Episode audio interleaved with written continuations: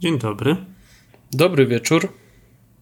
Jak zwykle nie wiecie, kiedy to nagrywamy, a my nie wiemy, kiedy będziecie tego słuchać. Stąd nasze klasyczne powitanie. I dzisiaj właściwie prawie w tym samym składzie co zwykle i są z wami Yy, Michał Muradin-Grabowski. i Adam Harpen-Berling. Muradin trochę Dla- taki przyśnięty trochę. A dzisiaj. dlaczego, a dlaczego w innym jakimś składzie? Właśnie dlatego tak się zastanawiam, że tak jestem przyśnięty. O co chodzi? Nie, że w tym samym, co zwykle. A, bo myślałem, że to jakieś zaskoczenia będą, czy coś. No dobra. Nie, nie, nie kitram tu nikogo dodatkowego. To znaczy Nie, tak, znaczy jeszcze dwójkę. ewentu... Znaczy ja jeszcze bym mógł ewentualnie powiedzieć, że ten, dwa koty mogą przyjść, ale to wiesz, to jest inna historia. Akurat na nagraniu zawsze koty są poza pokojem, także no, bo by było tylko całe czas No ja staram się też wyprowadzić wcześniej, bo potem w najlepszym momencie kot chce wyjść. Więc No i tak, tak. ogarnę zawczasu. No wiesz, albo wyjść, albo wejść. Potem się okazuje, że, że jednak chce mieć wejście antenowe i jest inaczej. Tak. No kurczę, ma tyle miejsca do chodzenia w domu, że niech chodzi gdzieś indziej albo po dworzu. Tak, ogólnie, ogólnie to jeżeli chodzi o dzisiejszy temat, to ja przyznam się szczerze, że na początku chciałem powiedzieć, wiesz co, w sumie to nie będziemy, nie wiem o czym będziemy gadać dzisiaj. Na pewno I tak nie o kotach. Na pewno nie o kotach, chociaż jest taka gra, która się nazywa Stray. Ja jestem bardzo ciekawy tego, jak ona wypadnie. Yy, bo to jest w sumie, nie wiem, symulator dachowca. Trudno powiedzieć, ale No to to nie jest. słyszałem. Tylko coś tytuł kojarzy, ale Stray to mi się kojarzy z Dark Souls 3, pierwszy shoutout, tak? I Dark Souls 1, drugi Jezus shoutout, Maria, więc nie. nie minęły, nie minęło, nie minęły 3 minuty. nawet nie wytrzymał mamy. dwóch minut. Tak, wziął 3 minuty, wytrzymał max i już od razu puf, Dark Souls. Nie, Już jedziemy z tematem. tak musi, tak musi być. No ale dobra, no dobra, to tak już jak już jesteśmy przy temacie, już dobra, no ale to nie będzie długo, to jest tak samo jak ostatnio rozmawialiśmy e, na temat e, tego, że w jednym z ostatnich patchy do Elden Ringa przypadkowo znerfiono Radana i jakoś, to on był, ten, to on Można był taki przypadkowo słaby. znerfić bossa. Komuś się ręka umsknęła na tych Wiesz suwaczkach, co, bo, czy jak? wiesz co, pierwsza rzecz, którą mam w głowie, to jest ta historia na temat tego, dlaczego Lara Croft wyglądała tak, jak wyglądała na w pierwszych odsłonach serii, że podobno się grafikowi omsknął rysik, ale to, to jest tak samo, no nie wiem, Miyazaki szedł, nie wiem, tak na na na na na na, na o kur! I wtedy Radan ma mniej obrażeń, nie? Potem ludzie wchodzą i te komety zadają miliard obrażeń i o co chodzi, nie? No, ja, wiesz, to- Prawda to jest tak- taka, że w tej wersji, nie wiem jak jest teraz, bo nie grałem, to znaczy grałem, ale nie byłem na tym bossie, ale w tej wersji przedpremierowej jeszcze, to ciężko w ogóle było na początku do tego bossa podejść. Ale wiesz co, ale wiesz co mi to Bo tam przypomina? do niego trzeba... Mhm. E, Mi to, wiesz co, powiem tak, że mi to przypomina historię z eventu z Code Vein, bo e, jeśli ktoś kojarzy, to Code Vein to jest e, też taki Souls-like, trochę w klimacie anime, wampiry, coś w tym stylu. I tam był motyw taki, że były dwa eventy. E, Pierwszy to był tutaj na miejscu w Polsce, w oddziale Cenegi i tam był fragment, jeden chyba, nie wiem czy to był jeden z końcowych, a jeżeli nie, to był taki trochę środek gry. I tam w tym y, etapie było całkiem dużo wysokolevelowych przeciwników, którzy potem w pełnej grze pojawiali się pod koniec. I sam boss był naprawdę trudny, on był przekręcony w drugą stronę. Ja powiem szczerze, że mi akurat, żeby, żeby go pokonać, zabrakło chyba 10 sekund, bo timer był ustawiony tam na dwie wersje tej, tego dema, tak? Była właśnie, był początek, no i jeszcze było to drugie demo. No ale potem się zemściłem na tym bossie, bo był też event, y, znaczy można było sobie pograć w Code Veina na Gamescomie i pamiętam, że ja tego bossa z, ze speedrunowałem, bo po prostu wiedziałem, gdzie wszyscy są, ale żeby było śmieszniej, yy, tych przeciwników było mniej i to byli jacyś nisko-levelowi przeciwnicy. Tacy naprawdę, wiesz, tacy, tacy, nie wiem, takie pachołki można powiedzieć. Potem się okazało, że w pełnej wersji gry trochę wymieszali jedno z drugim i się okazało, że ci tacy, wiesz, taki kafar w wielkiej zbroi z tarczą, z mieczem nie stoi, a się okazuje, że wiesz, go tam kilka razy uderzysz i już jest po nim, nie? Yy, także, no, w zależności od tego, kiedy grasz w grę, to, jest się okazuje, że... temat, balans poziomu trudności. Tak, tak, tak, tak. Ale ogólnie też to pokazuje czasami, ja to też mam takie wrażenie, że bardzo często na przykład na y, eventach przedpremierowych albo przed premierą danych gier, y, no po prostu pewne rzeczy wychodzą tak jak wychodzą i jest coś takiego, że po prostu yy, gra albo jest troszeczkę łatwiejsza, albo jest tak jak mówisz, jest bardziej przekręcona w drugą stronę i taki radon to cię kosi jak chce. Yy, chociaż yy, No ja do tutaj... dzisiaj pamiętam wersję alfa pierwszego Nio, która była na PSN i to było tak przegięte, że nawet twórcy sami przyznali, że kurczę, coś tutaj chyba jest nie tak. A to wiesz co pamiętam, bo ja wtedy pamiętam, że grałem chyba w te alfę, betę, niocha. Yy, tak, jeżeli ktoś, jeżeli ktoś tutaj słucha nas, to tak, ja mówię nioch, bo ja lubię mówić nioch, nioch, nie? To, w tej grze. Ale yy, ja pamiętam, jak grałem chyba właśnie nie w nio. Nio. Yy, to jest, wiesz, to pamiętam, grałem w alfę i to jest chyba ten etap, ten pierwszy, pierwszy, jak tam trafiasz na tego Onryokiego, nie? Tam na statku. Yy, ja pamiętam, że kurna też on mnie tam zmiótł z powierzchni ziemi. Ja byłem zaskoczony, że tak może być. Ale potem grałem No sobie w też, pełną. ale na tej samej plaży i tam w lesie wcześniej jeszcze. Tak? Takie, to w lesie jeszcze coś tam było? A nie, było coś, tak. Był, był, Tak, był, był jakiś boss. Tak, było, taki, było. taki, tam taki, taki do brzegu się pokonania. zaczynało, była kapliczka i potem się szło przez las. Tam był taki samon. Było, było. Było coś takiego, ale to mniejsza o to. I ogólnie właśnie do tego pokazuje czasami, jak to jest w grach, że gry y, na przykład przedpremierowo potrafią być troszeczkę łatwiejsze lub trudniejsze, a potem się okazuje, że w dniu premiery albo kilka tygodni po okazuje się, że jednak y, trzeba coś pozmieniać. Y, Hehe, Gran Turismo, chociaż i tutaj uwaga, będzie plot twist. Y, Akurat dzisiejszy, w momencie, kiedy nagrywamy, no jak zwykle chcemy być an- anonimowi, incognito i tak dalej, nam nie wychodzi. Y, W dniu, kiedy to nagrywamy, wyszedł y, patch do Gran Turismo 7, który zwiększa wszystkie nagrody praktycznie o 100%, a przy okazji jeszcze dokłada trochę wyścigów długodystansowych, takich po godzinie, gdzie nagrody są dość zacne, bo za godzinę jazdy dostajesz przy dobrych wiatrach za wygraną 750 tysięcy kredytów, plus jeżeli ktoś tam robił jakieś tam aktywności, to dostajesz bardzo dużo kasy. Niektórzy rano się obudzili włączając grę, że dostali 60 milionów kasy. I pomyślcie sobie, że jeszcze wcześniej, yy, w momencie przed tym patchem, yy, limit kredytów, jaki był w grze, tych takich darmowych, to było 20 tysięcy, a niektórzy się obudzili, dostali 60 milionów, znaczy fu, 60, yy, 20 milionów, niektórzy dostali 60 milionów, 80 milionów. I pierwsze co zrobili, to weszli do tego Legend House i tam zaczęli kupować legendarne samochody. A właśnie, przy okazji, przy okazji zrobimy tak zwany test. E, Czy Assetto Corsa Competizione dalej nie działa, czy działa, zobaczymy. Ja sobie właśnie włączam tutaj ściąganie gry, ponieważ e, cenię sobie moje miejsce na dysku. No Jak to gra nie działa, to- za, zakłady przyjmować. Tak, już możemy zakłady przyjmować. To jest tak troszeczkę. Po, po, możecie nam mówić później w komentarzach, czy dobrze obstawiliście. E, Ja tutaj sobie klikam przycisk download. Ciach, idzie. Jak przecinak. E, Zobaczymy, jak to będzie. Nie, bo wiecie, bo to jest ogólnie tak, że Assetto Corsa Competizione na PS5 e, waży jakieś 15 GB, tak jak chyba już wcześniej mówiliśmy, a tak sobie pomyślałem, a sprawdzę jeszcze raz. No i tak czy inaczej, no wyszła ta aktualizacja, no i oczywiście gracze co powiedzieli? Gracze powiedzieli, że jest... No jest za drogo. Znaczy, fu, jest za dużo pieniędzy, tak teraz w tym To momencie. teraz też jest źle.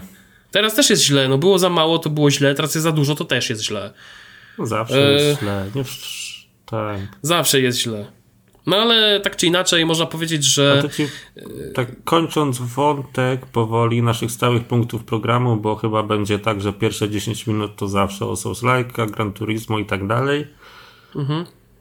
To w Elden Ring mam podobny problem, bo albo mi się uda zrobić postać taką, że ma takie obrażenia słabe, że płakać się chce i w ogóle nie chce się grać, albo w drugą stronę, Mhm. że zrobię taką, że nie ma żadnej frajdy z walki z bossem, bo pada po kilku strzałach. I Mhm. ciężko znaleźć jakiś taki złoty środek i w końcu mi się udało i gra się naprawdę spoko, nie będę pisał, nie będę mówił na razie co to za postać, jeszcze potestuję trochę, Mhm. ale to właśnie jest coś takiego, że teraz Gran Turismo może pójdzie w inną stronę i zmniejszą trochę tą kasę i nadal Znaczy wszyscy nie będą co, zadowoleni. powiem ci, ja ci, ja ci powiem tak, że chyba, chyba właśnie nie, bo ogólnie największym, największym problemem chyba Gran Turismo dla wielu osób tak naprawdę jest to, że yy, w tym momencie dla niektórych nie ma za dużo wyścigów. O, w ten sposób, że właściwie wiesz, jak ktoś już przejechał wszystko, zrobił wszystko, a są tacy, to już nie ma zbyt wiele do roboty i dla niektórych, wiesz, niektórzy sobie ten taki fokus przerzucają na zbieranie samochodów i ja właściwie jestem w stanie to zrozumieć. Sam ostatnio wszedłem do tego, do jak to się nazywa, do salonu samochodowego, tego, tego, do, do autokomisa, autokomisu u Andrzeja, jak ja to nazywam.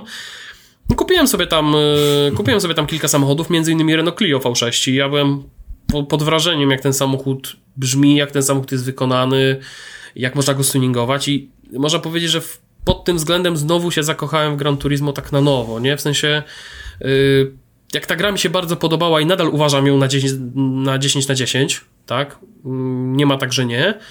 Tak teraz w momencie, kiedy zacząłem troszeczkę się bawić tą grą, w sensie już na przykład nie kupuję samochodów tylko tych, które mi się podobają, ale też takie, które po prostu chcę mieć w kolekcji. Przykładowo, nie wiem, znalazłem wreszcie tą Toyotę Trueno i kupiłem ją sobie, tak?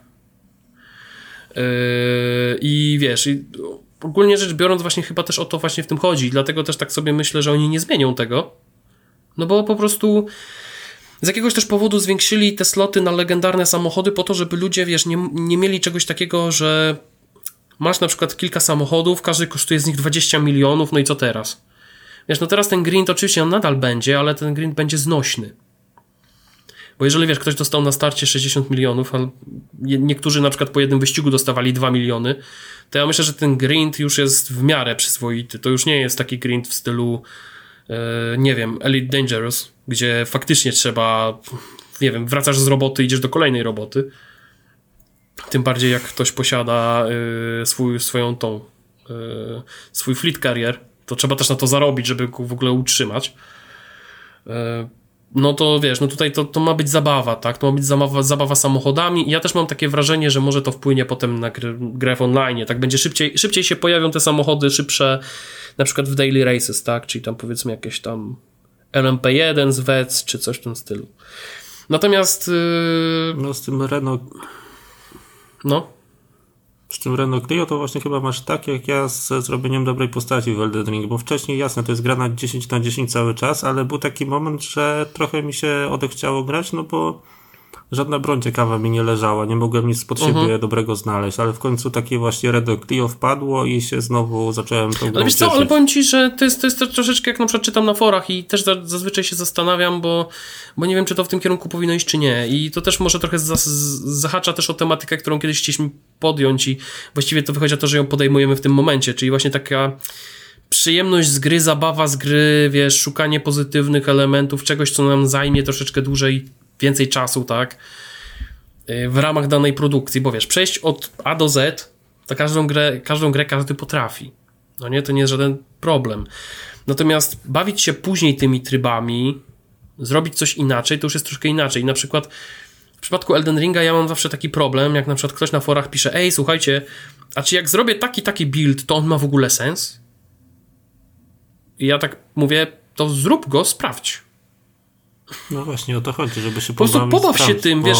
Gra da się przejść wszystkim, nie? Tak naprawdę. Gra, słuchaj, wiesz, jest taka sytuacja, że yy, no okej, okay, jasne, yy, ludzie szukają najbardziej efektywnych sposobów na przejście gry, na zdobycie platyny, na ten, no to wiesz, to nie mogę nikogo za to winić. Natomiast... No, kogoś może rajcować to, że zatupta wszystkich przeciwników i pokona każdego bossa w dwie sekundy, a inny właśnie chce trochę dłużej powalczyć i znaleźć coś pod siebie takiego. Tak, ale potem na przykład obejrzałem na sobie ten filmik, ten filmik, który wrzucił Iron y, Pineapple na temat tego, że on wybrał drogę pacyfisty i właściwie wszystkich uleczał, tych swoich minionów yy, i nikogo nie uderzył niczym. I powiem ci, że zacząłem zauważać, że ty, faktycznie tak można. No można I że to ma sens. I to, jest, to ma sens i to jest logiczne, że po prostu z, z, tego, z Elden Ringa robisz sobie właściwie, jest, była kiedyś taka gra, nazywała się Overlord. Tylko, że tam mhm. w Overlordzie ta, walczyło tak, się tym, tym rycerzem ciemności, tak? To się tam walczyło nim, ale pierwsze skojarzenie, taki overlord z tego się robi i tam wiesz, rzucasz bufy, ładujesz kurczę, wiesz, jakichś tam przeciwników. Żeby pokonać bossa, musisz zdobyć jakąś chorągiew, która tam zwiększa obrażenia, wiesz, to, to, no fajna to jest zabawa, mi się to podoba, wiesz, to jest tak samo jak na przykład y, jeden z moich takich ulubionych przykładów gier, które okazuje się, że tam po naprawdę dość różnych kolejach losu nadal się dobrze trzymają. Y, to jest Rainbow Six Siege, tak? I ostatnio pojawił się w Rainbow Six Siege z nowym sezonem, pojawił się tryb, uwaga, bo to jest kosmos, Team Deathmatch. I on jest na bardzo prostej zasadzie. Dwie drużyny siedzą w domku i się strzelają. I wiesz, ktoś powie, e, ale to, o Jezu, bo Rainbow Six to musi być gra taktyczna. A ja mówię, kurczę, ale fajnie jest to, to wskoczyć tymi, tymi operatorami, którymi zazwyczaj sobie gram taktycznie, po cichu, na spokojnie i sobie po prostu postrzelać do wszystkiego, co się rusza. No jak ktoś już się Yy, taktycznie nagrał, już szuka czegoś nowego, to jak najbardziej. Tak, i to jest, wiesz, i tak można, tak można powiedzieć o wielu różnych tytułach, wiesz. y, Oczywiście, wiesz, no to jest trochę, trochę mi się przypomina też ta historia o tym, że na przykład, nie wiem, no grałeś w GTA, tak, przeszedłeś GTA, chociaż to też, ja pamiętam, tak jak z naszej rozmowy, ja też nie pamiętałem, czy kiedykolwiek przeszedłem na przykład GTA 3 tak rz- rzeczywiście, nie? Yy, I powiem ci, że wiesz, potem pamiętam, że jak wszyscy zawsze graliśmy w GTA, powiedzmy San Andreas, Vice City czy coś, to potem się bawiliśmy, nie wiem, w ganianie się z policją, nie wiem, wpisywanie kodów na latanie samochodów i latanie czołgiem. Nie wiem, takie rzeczy robiliśmy.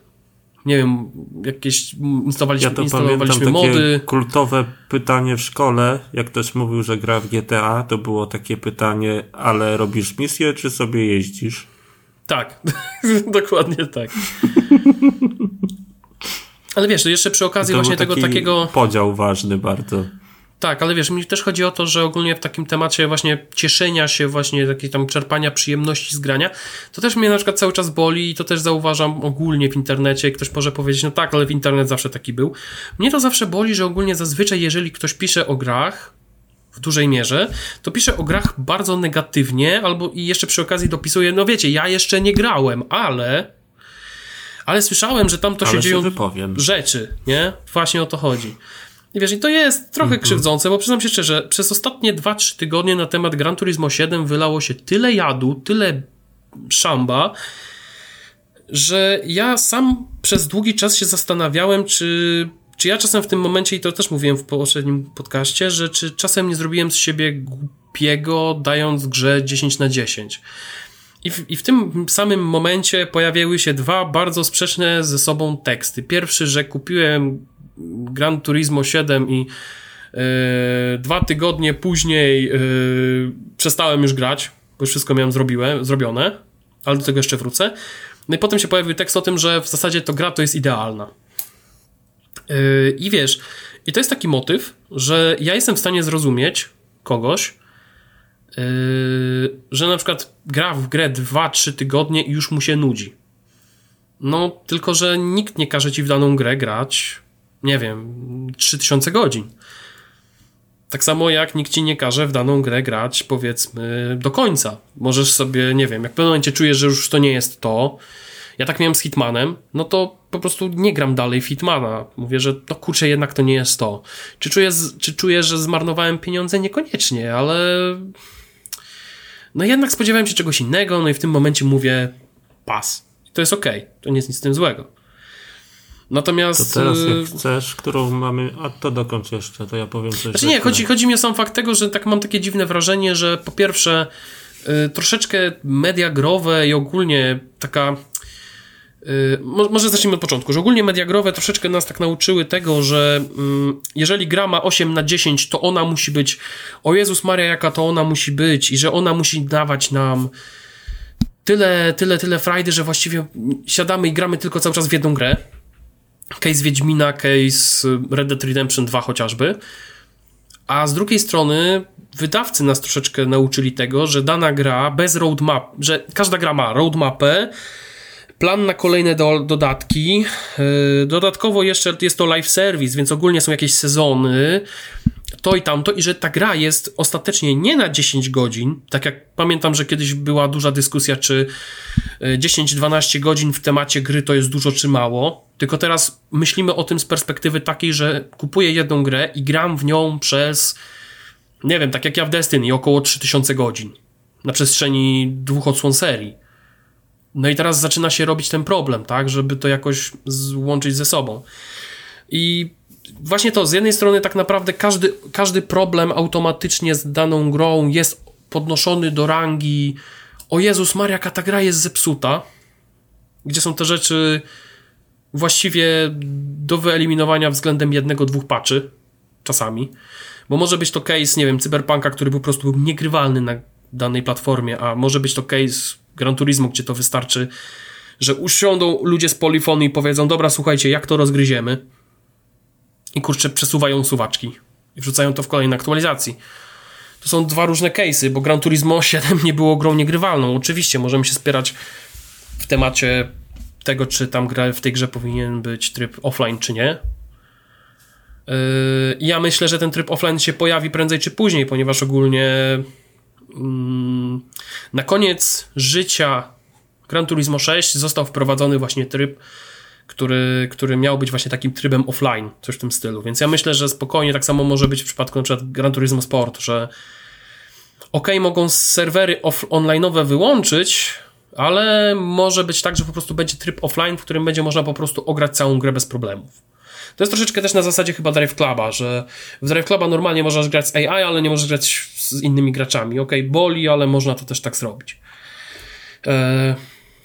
No i właściwie to tylko tyle. Po prostu mam takie dziwne wrażenie i trochę mnie to boli, że bardzo szybko przechodzimy, mm, jak ja to mówię, z takiego miesiąca miodowego do momentu, kiedy po prostu po grze się, tu bym mógł powiedzieć bardzo niecenzuralne słowo, yy, że tak naprawdę, ja bym mógł mówić, wiesz, ja bym po prostu bym na początku powiedział Peggy 18 i wiesz, i spoko, możemy lecieć. Tylko chodzi, chodzi mi o to, no, że wiesz... Yy, tak, ogólnie, ogólnie po prostu bardzo szybko wystarczy jeden element, żeby potem go rozbuchać do rangi po prostu, nie wiem, y, gry, która jest po prostu drugim cyberpunkiem na premierę. A tak, w tamtym przypadku było słuszne rąbanie po głowie, bo ta gra w tym stanie nie powinna w ogóle wyjść z tłoczni. Natomiast w przypadku gier, w których można załatwić dane tematy, tak jak chociażby to, że na przykład Radon w pewnym momencie był za słaby, to można to po prostu naprawić. Wyobrażasz to sobie, żeby ktoś powiedział, ej, słuchajcie, ale ten Radon to jest jednak za słaby, trzeba go troszeczkę podbić. Wyobrażasz to sobie?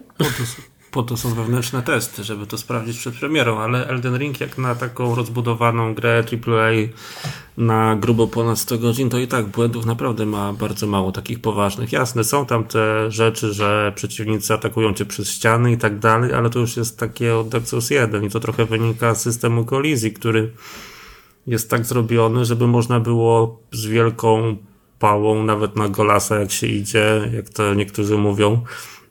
No właśnie, bo to jest no, też taka Przejść, historia... To jest jakieś przy... przejście, więc znaczy, tutaj jest w ogóle... to w pewnym sensie nie tyle błąd, co takie uproszczenie, bym powiedział. W ogóle to chciałbym tutaj zaznaczyć, że to z tym, z tym, z tym się też wiąże bardzo ciekawa historia, bo pomyślcie sobie, że o godzinie 23 z hakiem Harpen wysyła mi zdjęcie z gościem z wielką pałą i mówi, że tak się też można fajnie po bawić. Pierwsze to był mały, ja się zastanawiam, o co chodzi. Pałka, a po drugie... to ja no może mów. powiem tak na serio, o co chodziło. No mów, mów. To była Tłumacz postać się. z Elden Ring na pierwszym poziomie doświadczenia, bez rozwijania statystyk postaci, z ulepszaniem broni tylko i na pierwszym fabularnym bosie, więc najlepiej było grać bez zbroi, a że najlepszą bronią w tym momencie była pałka, no to wyszło tak, że można było ten screen, który ci podesłałem, opisać na wiele różnych sposobów. No ty wybrałeś taki, więc no. tak to zostawmy. No, słuchaj, to co ja ci mogę powiedzieć? Zawsze mogłeś zrobić screen na print screenem, zrobić takie ujęcie, takie ujęcie, nie wiem, jakby było z selfie i powiedzieć, że tak też się można bawić. ja nie wiem, ale tak czy inaczej to przy okazji od razu, jak już jesteśmy przy różnych takich akcjach, no to sprawdźmy, czy to Corsa kompetycjonne działa, bo w sumie ja jestem bardzo ciekawy. Wiecie, słuchajcie, minęło kilka tygodni, dwa tygodnie, coś takiego? No jakoś tak e, będzie. Więc sprawdźmy, czy, czy działa. Wiecie, może, może się włączy. Ja nie wiem, ale tak czy inaczej. Sprawdź, bo ja e, mam jeszcze bardzo ważny jeden temat w głowie a propos tego, co mówiłeś wcześniej. Mhm. Że generalnie ludzie się za bardzo spinają z tym, czy grać Dobra. coś, czy nie grać, czy zostawić. Dobra, uwaga, po naciskam. Po tygodniach nie ma co robić i tak dalej. Naciskam przycisk i uwaga, uwaga, jest, nie działa. Żeby było ciekawiej, y, zareportowanie tego, tego problemu z Assetto Corsa Competizione waży 17,25 MB. To musiało się pojawić chyba w ostatnim update'cie PS5, y, że pokazuje ile, ile waży raport. No to Jak wysyłam. ktoś ma internet z limitem danych i próbuje codziennie sprawdzić, no to trochę mu nabije. No nabije. No ale tak czy inaczej, jak zwykle wrócimy do tematu w następnym podcaście. E, będziemy tak, jak to Będziemy było, trzymać rękę na pulsie. tak, będziemy trzymać rękę na pulsie. No ale dobra, bo ty mówiłeś coś właśnie w temacie, w temacie tym, tym, tym, tym, o którym, o którym mówiłeś. W temacie, że nie ma jakiegoś takiego, nie wiem, przykazu, czy nakazu, czy czegoś takiego, na przykład, że ja teraz po premierze to muszę Elden Ring grać przez cały rok, zrobić platynę, mieć 3000 godzin albo 5 i odkryć w tej grze wszystko, prawda? Każdy nie gra sobie, tak jak mówiliśmy zresztą w poprzednim podcaście, jak ty wspominałeś, że chcesz grać z poradnikiem i ja jestem takiego zdania, że nie każdy gra jak chce. Ja w Elden Ring mam teraz 150 godzin, nie mam platyny, pokonałem wszystkich bossów jakich chciałem, może jakiś tam mi został w lochach, ale przez to, czy dzięki temu, nie wiem, że ta gra jest taka, może inaczej. Nie chcę grać mi się w Elden Ring już. Na razie. Chcę tą grę zostawić na ten moment i co ciekawe, wrócić do Soulsów, do Bloodborne'a albo do Sekiro, jeszcze się zastanawiam. Jeszcze myślę o Demon Souls, ale to w sumie możemy po Soulsy podciągnąć jak najbardziej. Z prostego względu, że ja w Soulsach i w innych grach From lubiłem odkryć dosłownie wszystko, ale nie na takiej zasadzie, że całe lore zrobić i questy, tylko właśnie zebrać wszystkie przedmioty, pójść wszędzie, jeśli chodzi o mapkę, a w Mhm. Elden Ring ta gra jest tak duża i tak złożona, że praktycznie nie ma takiej opcji, żeby sobie robić przejście jedno za drugim, odkrywając wszystko i pójść wszędzie. Mhm. To tak jakby, nie wiem, ktoś próbował za każdym razem przechodzić te nowe Assassin's Creedy albo Wiedźmina i robić te gry na 100%. Niby Jezus można, Maria, prawda? to- Można znaczy się ja- tego ja powiem nauczyć ci czegoś tak, na ja- pamięć, ale jakiejś wielkiej frajdy z tego nie będzie. To znaczy, ja ci powiem, wiesz co, jedna rzecz, która mi wchodzi do głowy, bo ja widzę na przykład, bo to jest troszeczkę jak w tym memie z, z tego, z, ze SpongeBoba, nie? Yy, że ja jestem za oknem, widzę jak dzieci się bawią w Assassin's Creed'a i mówią hej, łe, a ja patrzę i się zastanawiam o co im chodzi i w ogóle im trochę zazdroszczę, bo ja naprawdę im trochę zazdroszczę ludziom, którzy mają wielki fan z grania w Assassin's Creed'a, yy, właśnie tego, że mają fan z grania w tego nowego Assassin's Creed'a, ale jak widzę, ile godzin trzeba w niego włożyć, to ja się przerażam, dlatego że ja pamiętam, jak bardzo przeraziłem się tym, ile godzin spędziłem w Red Dead Redemption 2, idąc tylko przez wątek fabularny. Bo tutaj jedna ciekawostka. No właśnie, Red z Dead Redemption. to samo. Właśnie, bo taka ciekawostka. W Red Dead Redemption 2 na premierę przynajmniej, nie wiem jak teraz, nie było takiego twardego licznika, ile się czasu spędziło w grze. Nie było. On, był, on miał być dostępny, ale jakoś go nie było. Wiesz, to, to właśnie to było dziwne, bo teoretycznie to się powinno pojawiać e, tak jak w przypadku gra, Grand Theft Auto 5, a się okazało, że się nie pojawiało. I ja dopiero po premierze PS5 zobaczyłem, ile czasu spędziłem w Red Dead Redemption 2 na podstawie logów z PSN-a. Yy, I się okazało, że w Red Dead Redemption 2 spędziłem jakieś 65 godzin. Idąc ciąg, ciągiem linię fabularną, raz na jakiś czas schodząc, robiąc jakieś zadania poboczne, tak jeżdżąc konikiem sobie w trybie cinematikowym, tak w, w drodze z, tam z punktu A do punktu B. Yy, ja powiem Ci szczerze, że jakbym teraz tak sobie, i teraz tak jak sobie myślę, jakbym miał kupić sobie tego Assassina, ja nie wnikam w to, czy to są gry dobre, złe. Ja już można powiedzieć, że jeśli chodzi o Assassiny, Nie, to się chodzi bardzo bardziej dawno. o skalę w sumie. Tylko chodzi o skalę, Nie o, to powiem Ci, o że skalę kurczę, tego asasyna, że on jest taki długi. że nie tak, że ja, taką. że ja bym się kurczę zamęczył. No. I nie no wiem, czy sobie to jest. Mhm. pomyśl teraz, że masz to Red Dead Redemption 2, przeszedłeś sobie do napisów końcowych, trochę questów pobocznych porobiłeś, patrzysz na mapkę i w sumie są jakieś miejsca, gdzie cię jeszcze nie było, ale tak, gdyby to był Elden Ring, to wchodzisz na Wikipedię, patrzysz sobie, o, trzeba iść tu, tu, tu i tu, żeby zrobić to zakończenie, tu, tu i tu, żeby podnieść to, tutaj tego questa, tutaj to i to są rzeczy, które samemu pewnie odkryjesz, jak grasz bardzo długo, a może nie. i właściwie to zamienia się w coś takiego, że siedzisz z kartką i odhaczasz punkty. No ja to tak to jest tak samo. w Dark Souls 2 i to była praca po pracy właściwie. To jest, wiesz co, to jest tak samo jak pamiętam, jak grałem właśnie w Red Dead Redemption 2 i tam był taki motyw, yy, ogólnie taka historia, bo to jest jedna z takich, jak to się mówi, cutscenek, które się odpalają, są takie eventy. Tam jest nawet chyba statystyka na to, że ile takich eventów odpaliłeś w całym świecie gry. No ten świat jest duży. I wyobraźcie sobie taką historię. Jedziesz sobie przez te bagna, tam są takie bagna, nie? Yy, trochę, trochę na zasadzie Nowy Orlean, nie można powiedzieć, ale tam są takie bagna przy, przy, przy mieście. I motyw jest taki, że sobie jadę konikiem, jadę i widzę, że widzę, że wisi na, yy, wisi na gałęzi trup. Jakiś, jakiś trup, nie? I tak sobie myślę, bo to ogólnie, jeżeli ktoś dobrze kojarzy, to czasami niektóre trupy mają jakieś tam rzeczy do jeszcze do zgarnięcia z, nich, tak? Jakieś tam złoto czy coś. I tak sobie patrzę, że patrzę sobie, że wisi sobie ten trup, to sobie pomyślałem, że do niego podejdę, zobaczę, co się tam dzieje. I uwaga, bo to jest normalnie rzecz, która trochę aż mnie zmroziła, bo myślałem, że to jest jakiś potem chain, chain kolejnych misji. E, sobie biorę ten, przegrzeb, przegrzebuję tego, tego, tego nieboszczyka i patrzę, że gdzieś tam tak trochę dalej stoi jakaś postać i ja nie wiem, kto to jest.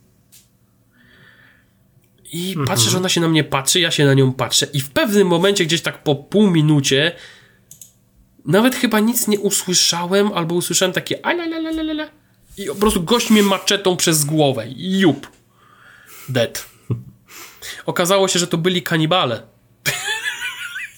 To była Ale to teraz zobacz, byś, To jest świetne. byś Ja sobie że to zrobił jest genialne. listę z Wikipedii czy z poradnika, gdzie iść i co zobaczyć i byś wiedział, co tam cię w sumie czeka, ale byś znaczy, tam tak, poszedł, żeby właśnie- osiągnięcie nabić czy coś takiego. Bo nie, bo ja bo... do czegoś innego jeszcze.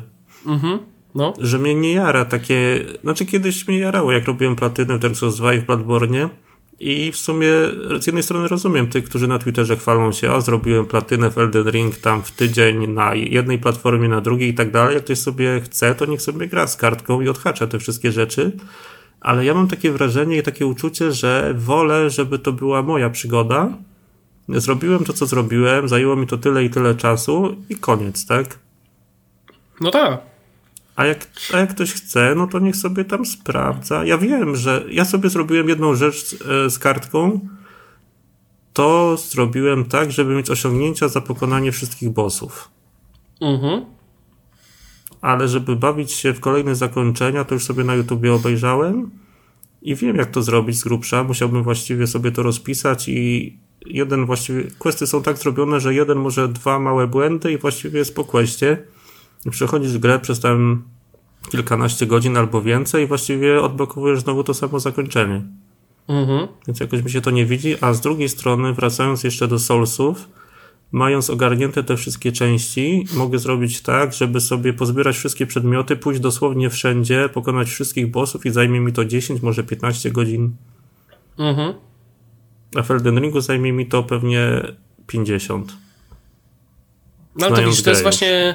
Tak, ale to widzisz, to już znowu, to już znowu wiesz, jesteśmy, jesteśmy znowu w tym temacie, że ile jest graczy, tyle jest różnych sposobów nagrania i właściwie każdy z nich jest poprawny. To znaczy, to nie, nawet nie chodzi poprawny, jest dobry. Bo bez względu na to, wiesz, i to jest też taka, pamiętam jedną taką rozmowę z moją znajomą, która, ona mówi, a, bo ja to tam gram w te gry i ogólnie fajnie, ale ja nie gram tak hardkorowo, nie gram dużo w te gry, I w ogóle to ja gram w to, w to, w to i w to. Ja w ogóle nie wiem, czy ja w ogóle powinnam się chwalić, że ja gram w gry, bo, bo, bo, bo, bo nie wiem, czy jest się czym chwalić. Ja wtedy powiedziałem prostą rzecz. Słuchaj, grasz w gry. Nieważne, czy ty grasz w Simsy zawodowo, czy. Kiedyś właśnie czy nie wiem, bawisz się w roller coaster, tak. w internecie. Kto jest graczem? Czy kobieta, która gra w tramwaju w drodze do pracy w Candy Crush? Czy facet, który gra, albo też kobieta, albo na odwrót, który gra 8 godzin dziennie w Call of Duty? No każdy No jest. odpowiedź, no odpowiedź każda i każdy jest, wiesz. To jest, to jest takie coś, Tak, że jak dla mnie, okej, jasne, możemy, możemy próbować rozmawiać o tym, mm, chociażby, czy gry mobilne w takiej formie, w jakiej są, nie są po prostu skamem, który próbuje wyciągnąć pieniądze. Odpowiedź poprawna są, bo w dużej mierze te gry online'owe, takie mobilne, no niestety są nastawione na to, żeby kiedyś gracz coś kupił. No, na szczęście wiele osób właśnie gra w ten sposób, że przykład jak już zabraknie tych cukierków w Candy Crushu, to po prostu czeka 24 godziny i nie ma z tego tytułu bólu. No ale też są ludzie, którzy niestety no, dają się naciąć tak jak na niektóre NFT. He, he, he. Się, tak, przypominam się Ale to mi przypomniało coś ciekawego i jeśli ktoś ostatnie 10 lat albo więcej przesłał pod kamieniem, to na Google Play, na App Store wyszedd, uwaga, remaster pierwszych Angry Birdsów. Bez reklam i bez mikropłatności i gra kosztuje I teraz, i właśnie, i teraz, i, te, I teraz pomyśl sobie, jak to, jakie to jest absurdalne, że taka gra wychodzi ci i że jej największym featurem jest to, że ona nie ma reklam i nie ma mikropłatności. To jest ten sam, to jest, wiesz, to, to jest taka, że Rowio szuka kasy, nie? Po prostu. No tak, no to już wiesz, to już jest. Chociaż powiem ci, że akurat mimo wszystko pamiętam, że ogólnie Angry Birds te w najbardziej podstawowej formie są chyba jedną z lepszych gier, ale mam też w głowie jeszcze jedną grę, która była właśnie. Tylko nie pamiętam, jak ona się nazywała teraz. Ale też była taka seria gier, które po prostu w pewnym momencie zaczęły za bardzo odlatywać. I to był właśnie bardzo podobny case do Yy, do Angry Birdsów, że zaczęło się tak w bardzo fajny sposób, a potem się okazało, że im dalej w las, tym te pomysły są coraz trudniejsze i to nie ma sensu. Więc trzeba wrócić Ale to tam... też na mobilki? Nie tylko, nie, nie, nie, to nie tylko, ale była taka gra i tylko teraz nie pamiętam jaka.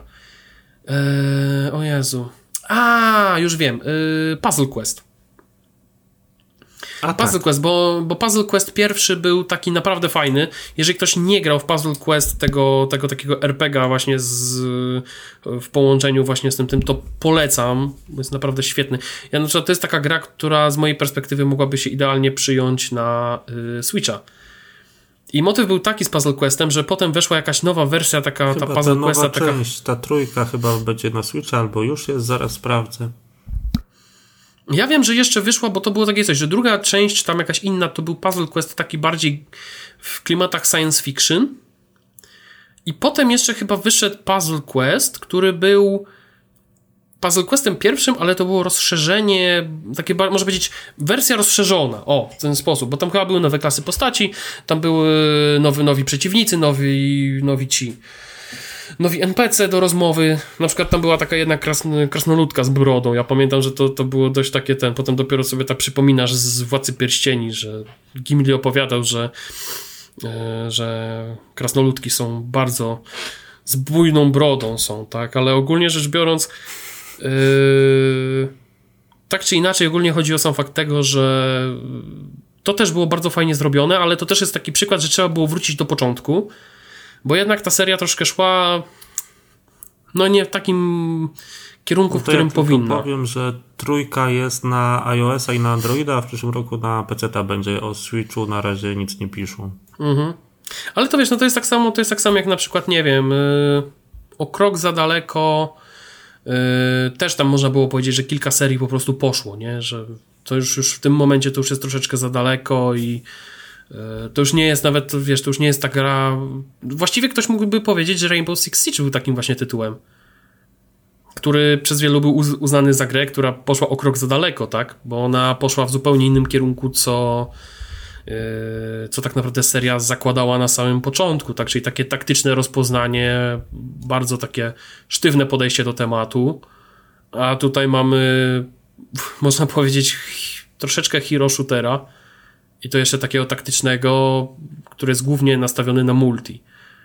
I teraz tak jak sobie pomyślę o tym, w którym kierunku przewoluowało uniwersum Rainbow Sixa, swoją drogą bardzo fajny bardzo fajny zwiastun, taki trochę filmik CGI yy, o tych naszych polskich operatorkach został stworzony i powiem Ci szczerze, że jak obejrzałem go sobie, to cały czas powiem, mówię sobie tak pod nosem, kurczę, szkoda, że nikt tam w Ubisoftie nie wpadł na pomysł zrobienia albo serialu, albo takiego pełnometrażowego filmu właśnie w tym, e, w tym klimacie, bo on by pasował idealnie.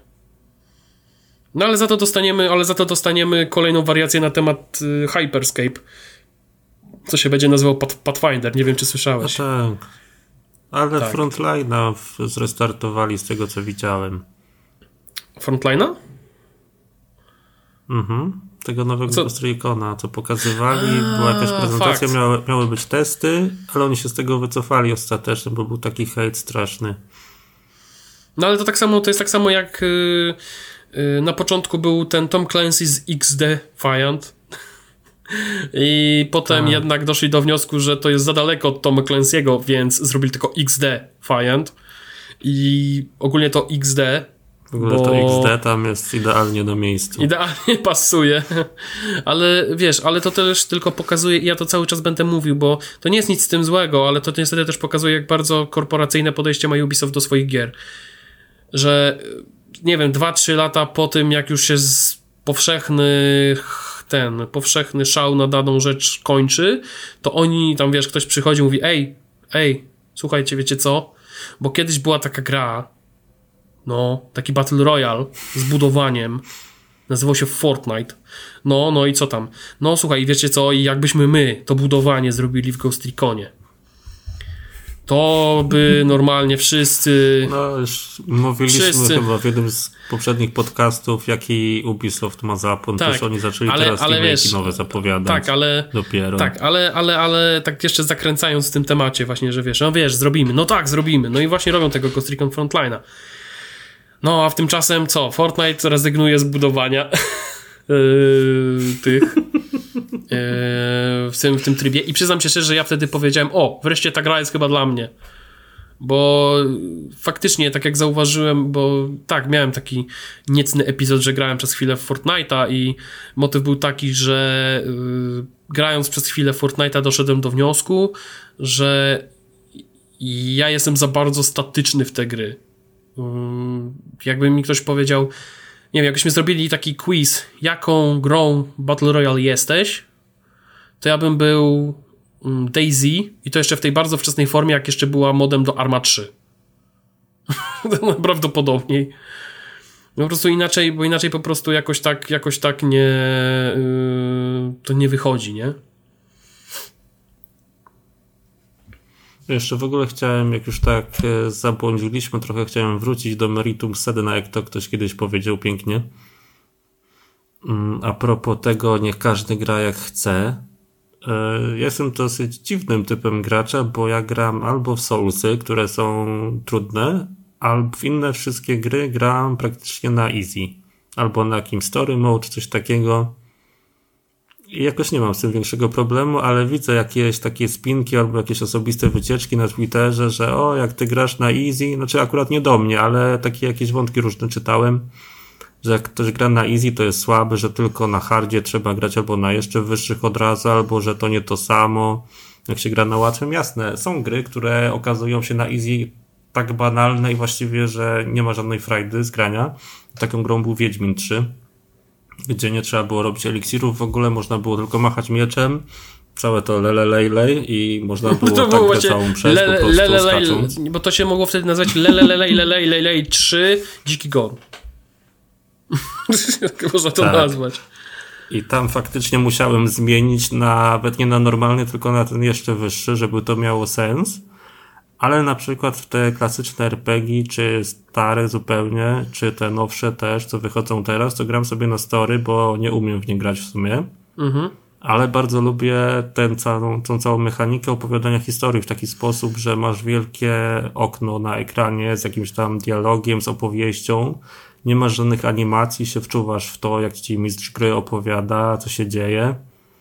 Ale jeśli chodzi o rozwój postaci w tych grach czy walki, no to zwykle nie udaje mi się tego ogarnąć tak, jakbym chciał, żeby tam grać na jakimś hardzie czy coś takiego.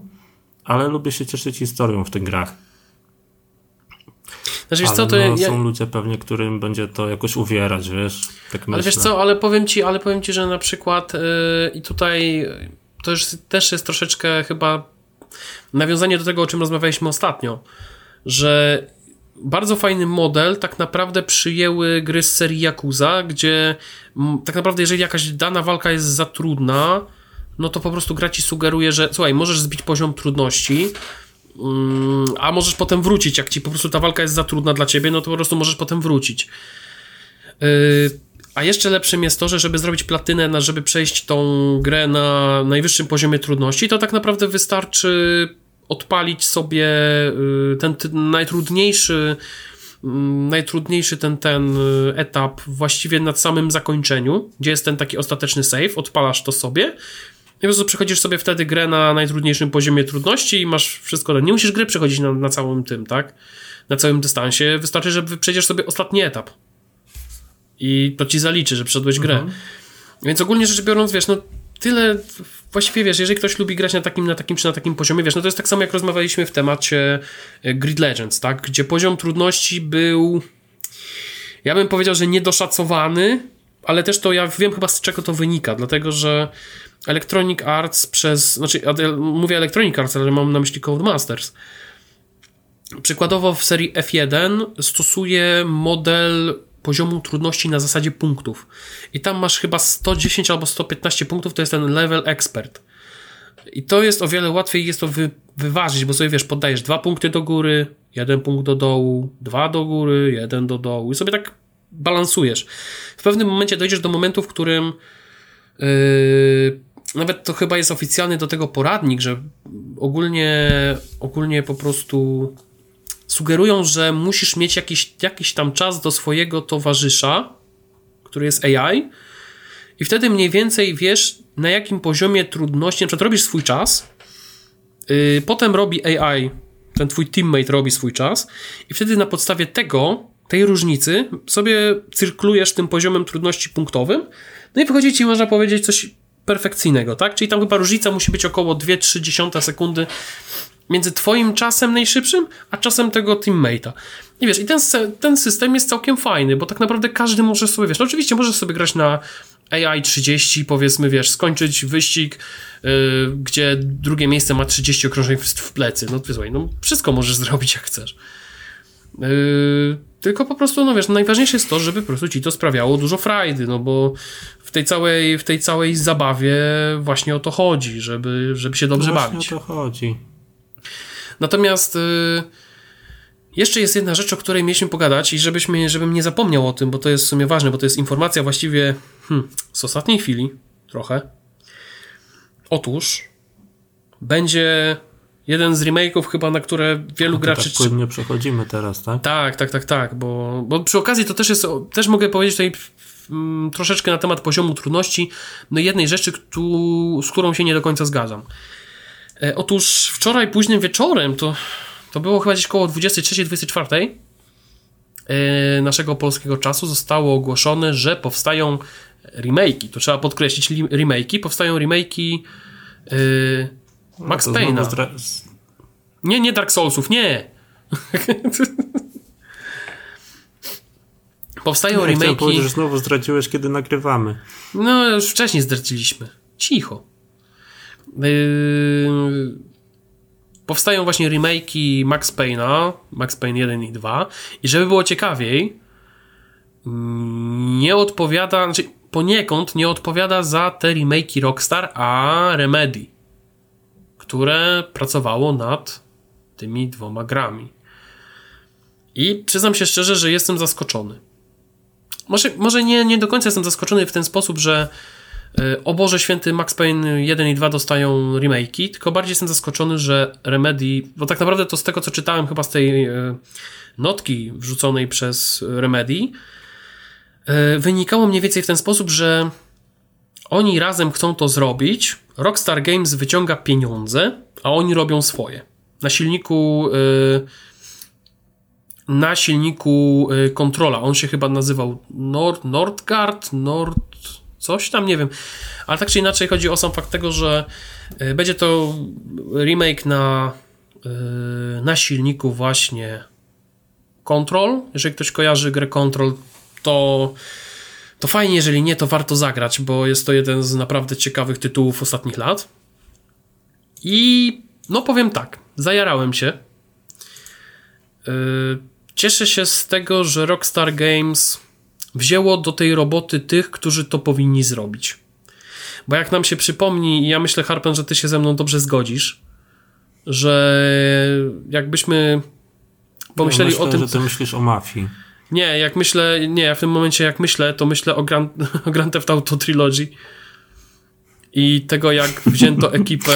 A, to też dobry przykład. Tak, wzięto ekipę Grove Street Games, która zajmowała się głównie portami na iOS-a i na Androida, i oni zrobili remake. To wyszło to jak wyszło. I potem się okazało, że te GTA wszystkie trzy najpierw przenieśli na mobilki, a potem z mobilek zrobili remake remastery na konsole stacjonarne i na PC-ty. Tak. Yy, I tutaj dobrze, że mówisz o Mafii, dlatego że tak, pierwsza rzecz, która mi wpada do głowy, to jest remake Mafii, yy, który oczywiście, wiadomo, niektórzy kochają, inni nienawidzą. Ja jestem akurat z tych, którym się bardzo podobał. Yy, no ale z drugiej strony przypomina mi się to, co tam Mysza napisał w komentarzu pod tym newsem, czyli oby to był remake Mafii, w sensie remake jedynki, a nie dwójki. W sensie remaster tak naprawdę. I powiem no tak. tak. Do dwójki i do trójki był remaster tylko. I teraz, I teraz jest jedna rzecz, o której powiem, że ja się z tym nie zgadzam. I ja wiem, że prawdopodobnie. Yy, znaczy, może to nie jest tak, że się nie zgadzam w 100%, nie zgadzam się z tym połowicznie. Bo w momencie, kiedy zostało to ogłoszone, my wrzuciliśmy tego newsa u siebie, przeczytałem taki komentarz, że ale przecież Max Payne pierwszy i drugi dobrze się zestarzały, znaczy, że te gry się dobrze zestarzały, że można w nie dziś grać, no tylko, że potem doczytałem, że no, bo to na komputerach teraz działa. No i teraz, no rzeczywiście, no na komputerach te gry działają. I tu nie ma co o tym dużo gadać, bo nawet ostatnio chyba grałem w Max Payne na dwójkę na PC i przyznam się szczerze, że ta gra na PC nawet całkiem fajnie śmiga. Mm, y, graficznie też całkiem dobrze wygląda. Tu nie ma co nawet o tym gadać. No, y, Ale to jest ten sam temat na zasadzie, co rozmawialiśmy, że GTA San Andreas też przecież nie potrzebuje odświeżenia. A ma prawie no, 20 się, lat. A się potem okazało, że jednak troszkę potrzebuje pewnych aspektach. Tak samo jak na przykład GTA Vice City, nie? Na PC-tach, znaczy ogólnie, bo to wszystko się, wiesz, na to wszystko się patrzy z perspektywy PC-ów. Tak, na PC-tach faktycznie te gry może nie, nie potrzebują tego odświeżenia, bo nawet jeżeli tego odświeżenia nie ma bazowo, no to wiesz, jakiś moder zrobi i temat będzie załatwiony. Natomiast na konsolach już nie jest tak kolorowo, bo jeżeli ktoś grał w Max na jedynkę albo dwójkę na na konsoli, to są te wersje te, te, właśnie z pierwszego Xboxa chociażby, no to powiem zupełnie szczerze, że to nie wygląda za dobrze. Tym bardziej, że yy, ogólnie, ogólnie sterowanie jest takie dość jak to się mówi, triki. To jest troszeczkę jak z graniem z graniem w te stare wersje Grand Theft Auto jeszcze, które pamiętają czasy PS2 w wersji powiedzmy na PS5, tak? Czyli te takie ala, ala remastery, no nie? E, a dokładnie to nawet nie są remastery, tylko to jest tak, tak troszeczkę emulacja z, z tamtych czasów. I powiem ci, że no nie wygląda to za fajnie i to ja nie, nie, nie broni się w żadnym wypadku. Vice City na PS4 to szybciej wyłączyłem niż włączyłem w sumie, bo to było straszne. Mhm, dokładnie tak. I właśnie, I właśnie dlatego właśnie dlatego ja tak się zastanawiam czasami, że tak, no ogólnie z, z punktu widzenia pecetowca tak. To jest tak samo jak ja wtedy troszeczkę zażartowałem, że Yy, zażartowałem z tego, że jeżeli powstanie yy, remaster Grand Theft Auto 4, to co ja wtedy powiedziałem? Powiedziałem, że he, he, he ja ostatnio kupiłem na PC i że mogę pograć na PC, będzie ok. Także, także tak to wygląda, ale akurat Grand Theft Auto 4 to jest troszeczkę inny przykład, mam wrażenie że to jest jednak gra, która się zdecydowanie lepiej broni na przykład niż Grand Theft Auto 5, które zostało wydane już na kolejną platformę i właściwie te zmiany między wersją PS4 a PS5 są praktycznie niewidoczne, oprócz tam HDR-ów czy jakichś tam lepszych refleksów. Mm, natomiast w przypadku Max Payne'a no jest troszeczkę trudniej, tym bardziej, że ja mam wrażenie, że jeżeli byśmy połączyli stare, jak to się mówi, stary sposób odwzorowywania pewnych inputów na padzie dzisiejszym na grę z tamtych czasów, to prawdopodobnie te gry byłyby jeszcze zdecydowanie trudniejsze niż kiedyś. I tutaj tu już się zaczyna robić problem. Zresztą yy, może nie tyle co w Max Payne dwójce, ale w Max Payne jedynce było to dość takie kłopotliwe, że jednak trzeba było troszeczkę się nagimnastykować, żeby pewne etapy po prostu przejść. I tutaj liczę, że mm, remake, no liczę na to, że remake po prostu pewne rzeczy e, naprostuję i też przy okazji mam taką małą nadzieję, że oni w tym Max Payne'ie odświeżonym troszeczkę nakreślą dalej temat e, Remedyverse tak zwanego, bo jeżeli ktoś e, kojarzy, to w momencie, kiedy wyszła gra Control, zaczęto coraz poważniej mówić o tym, że Remedy chce stworzyć swoje uniwersum, które by połączyło wszystkie światy z różnych gier w jedną całość. No i poniekąd Control połączył świat właśnie Control z światem Alana Wake'a dzięki dodatkowi yy, Ave, jeżeli dobrze kojarzę. I właściwie mówi się o tym otwarcie, że poniekąd no, te światy są połączone ze sobą, tak? Że tak samo, tak samo chyba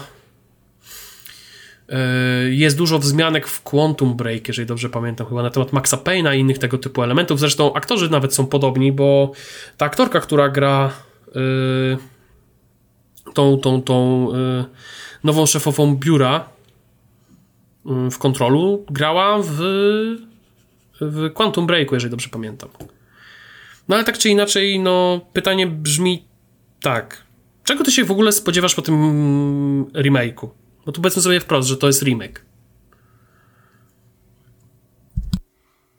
Ja w ogóle, jeśli chodzi o doświadczenie z Maxem Payne'em, to w trójkę nie grałem praktycznie wcale, a jedynka i dwójka to są czasy tam, z tego co pamiętam, 2001, 2003 albo 2004 i to był okres, w którym sam u siebie jeszcze na komputerze zbyt wielu gier nie miałem. To jeszcze internet tak może nie raczkował, ale no nie był tak zaawansowany jak dzisiaj, żeby tam pobierać jakieś wielkie gry. I doświadczenie z Maxem Payne'em mam takie, że praktycznie to była gra, jedna z tych gier, które, które się grało u znajomych tak kątem, żeby sobie posprawdzać trochę jak te misje wyglądają, kto tam działa i się pozachwycać bullet time'em, bo to wtedy było Mm, to wtedy był taki, no w sumie, jak można powiedzieć śmiało, że rewolucja jak na tamte czasy, że można było spowalniać czas i tą postacią tak może nie tyle skakać, no ale taki charakterystyczny ruch był do przodu z tymi dwoma pistoletami, to pamiętam z dwójki. A tak już odpowiadając na twoje pytanie, jeśli chodzi o to, czego się spodziewam, no to klasycznie po remake'u właściwie po prostu nie mam jakichś takich oczekiwań, że coś konkretnego chciałbym ich zobaczyć, ale bardzo cieszy mnie to, że to będą gry w sumie zrobione od nowa, że Rockstar nie myśli o tym, żeby robić remastery, albo nie daj Boże, żeby robić coś na zasadzie tych edycji GTA Trilogy, które były nie wiadomo w sumie czym, czy bardziej remasterem, czy remake'iem, zależy w którym momencie. A tutaj właściwie oni biorą stary pomysł i robią go zupełnie od nowa. Ale wiesz co, jest jedna rzecz, która chyba teraz mi przyszła do głowy. Co tak naprawdę stracimy w tym remake'u? Jest jedna rzecz, którą stracimy. Prawdopodobnie. Chyba, że y, Remedy będzie tak szalony i wprowadzi, do, będzie wprowadzić to w inny sposób. To jest ten kultowy wyraz twarzy Samalejka z jedynki.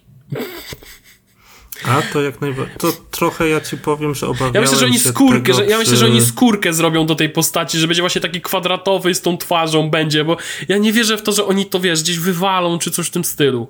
Zresztą jedna rzecz, która mi teraz spada do głowy. Jeżeli Remedy ma tak naprawdę kody źródłowe tej gry, tak jak na przykład był taki problem w przypadku remake'ów Crash'a Bandicoota, że niektóre elementy zostały utracone bezpowrotnie, oni musieli to wszystko odbudować, no to jeżeli Remedy ma jakieś źródłowe kody, które na, na której podstawie po prostu to nabudują, to ja widzę, że oni to po prostu wprowadzą jako skórtkę i tylko oby to nie było w jakimś Deluxe Ale Edition tak czy coś w tym stylu. w którymś z ostatnich Tomb Raiderów, że można było grać tą Larą Croft z pierwszych części.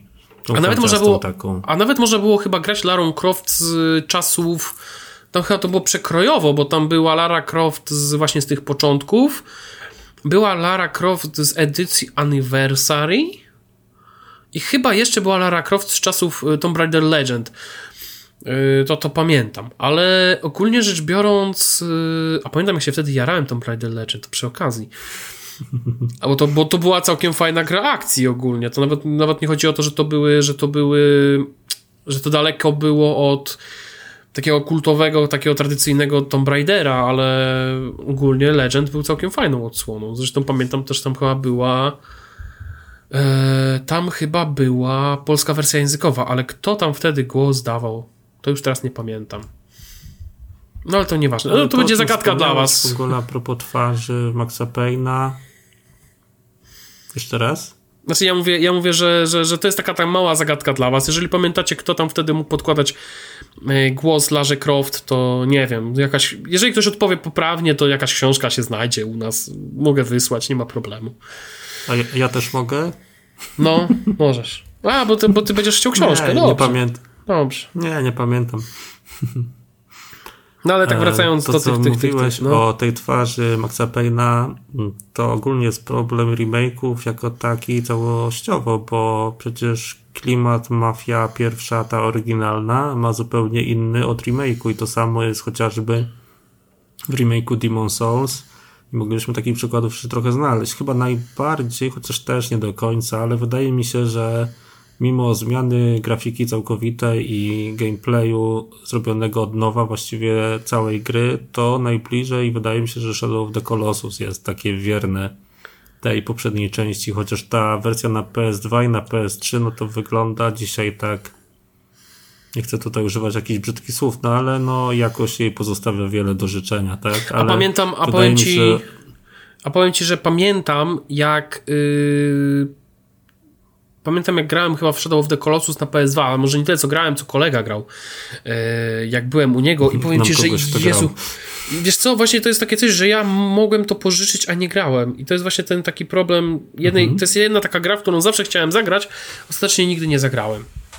Ale to wracając do tematu i powiem Ci, że wtedy, w tamtych czasach, jak to oglądałem, to było coś takiego, że wow, ale to wygląda na PS2, nie? Yy, bo było kilka takich tytułów, które naprawdę na PS2 wyglądały dobrze. Było, które tak. robiły takie wow. Które tak, bo to był ogólnie to było tyle fajne i chyba to też dlatego PS2, no już nie, mówmy o, nie mówiąc o wiesz, przerabianiu konsol i inne tego typu sprawach, ale no. chyba też dlatego właśnie PS2 jako konsola była konsolą, która po prostu tak dobrze się wpisała, wpisywała właśnie w ten taki, nie wiem, do takiego panteonu sprzętów idealnych, bo właściwie ja nawet jak sobie, po, to już to chyba też o tym mówiłem, że jak się włączy Gran Turismo 4 dzisiaj, to ona też się jakoś broni. To, to jest taka gra, w którą normalnie możesz sobie zagrać i to jako klasyk się broni idealnie. Yy, wiesz, ja myślę, że takich tytułów mogłoby się znaleźć więcej. Najgorsze no jest ja to, że. chciałem na Allegro kupić Force Motorsport 2, tylko ceny mnie trochę odstraszyły, ale znalazłem sobie gameplay na YouTubie i to też nie wygląda źle. No właśnie.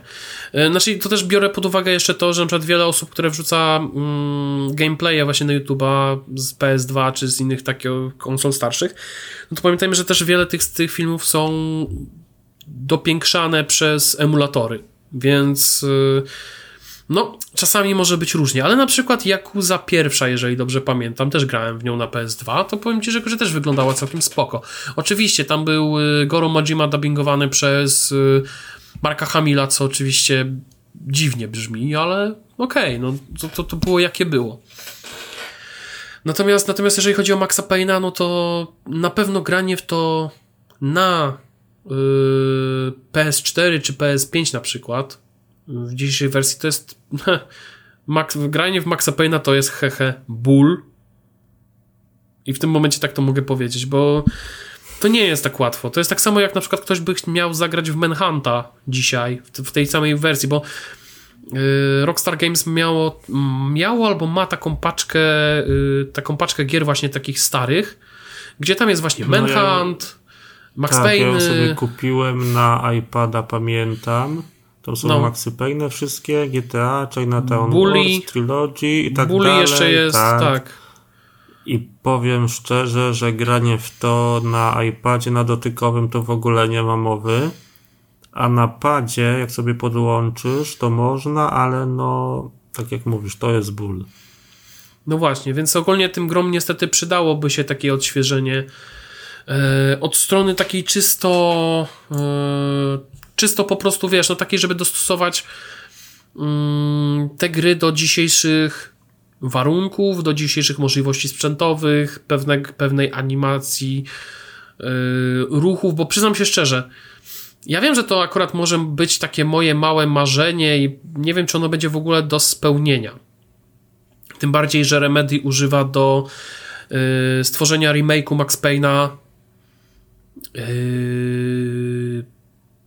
on, oni używają tego swojego silnika, nie używają silnika Rockstar Games, yy, który byłby na przykład wykorzystywany do stworzenia yy, Max Payne'a trójki, który powiem szczerze, grałem jakiś czas temu niedawno właśnie sobie, żeby odświeżyć, bo była bardzo fajna promocja na Xboxie.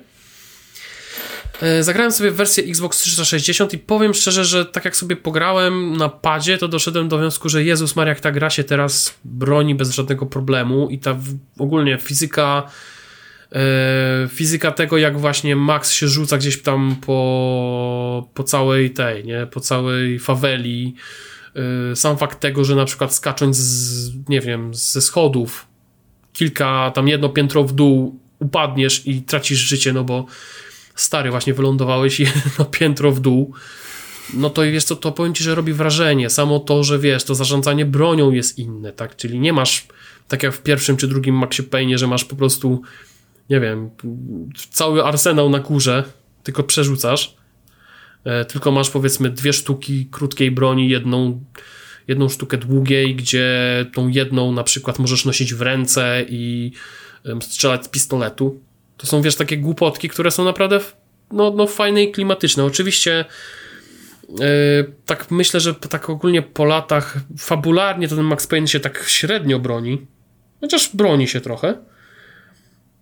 No ale to nie zmienia faktu, że to jest nadal bardzo fajna gra i ta strzelanina na lotnisku, gdzie w tle leci jeden z moich ulubionych utworów zespołu Health, to przyznam się, kurczę, bez bicia, że normalnie wtedy włączyłem, wiesz, tak jak jest ten mem, no nie? Przekręcasz na 11 i tak i lecisz przez to lotnisko, nie? Jesteś nieśmiertelny po prostu.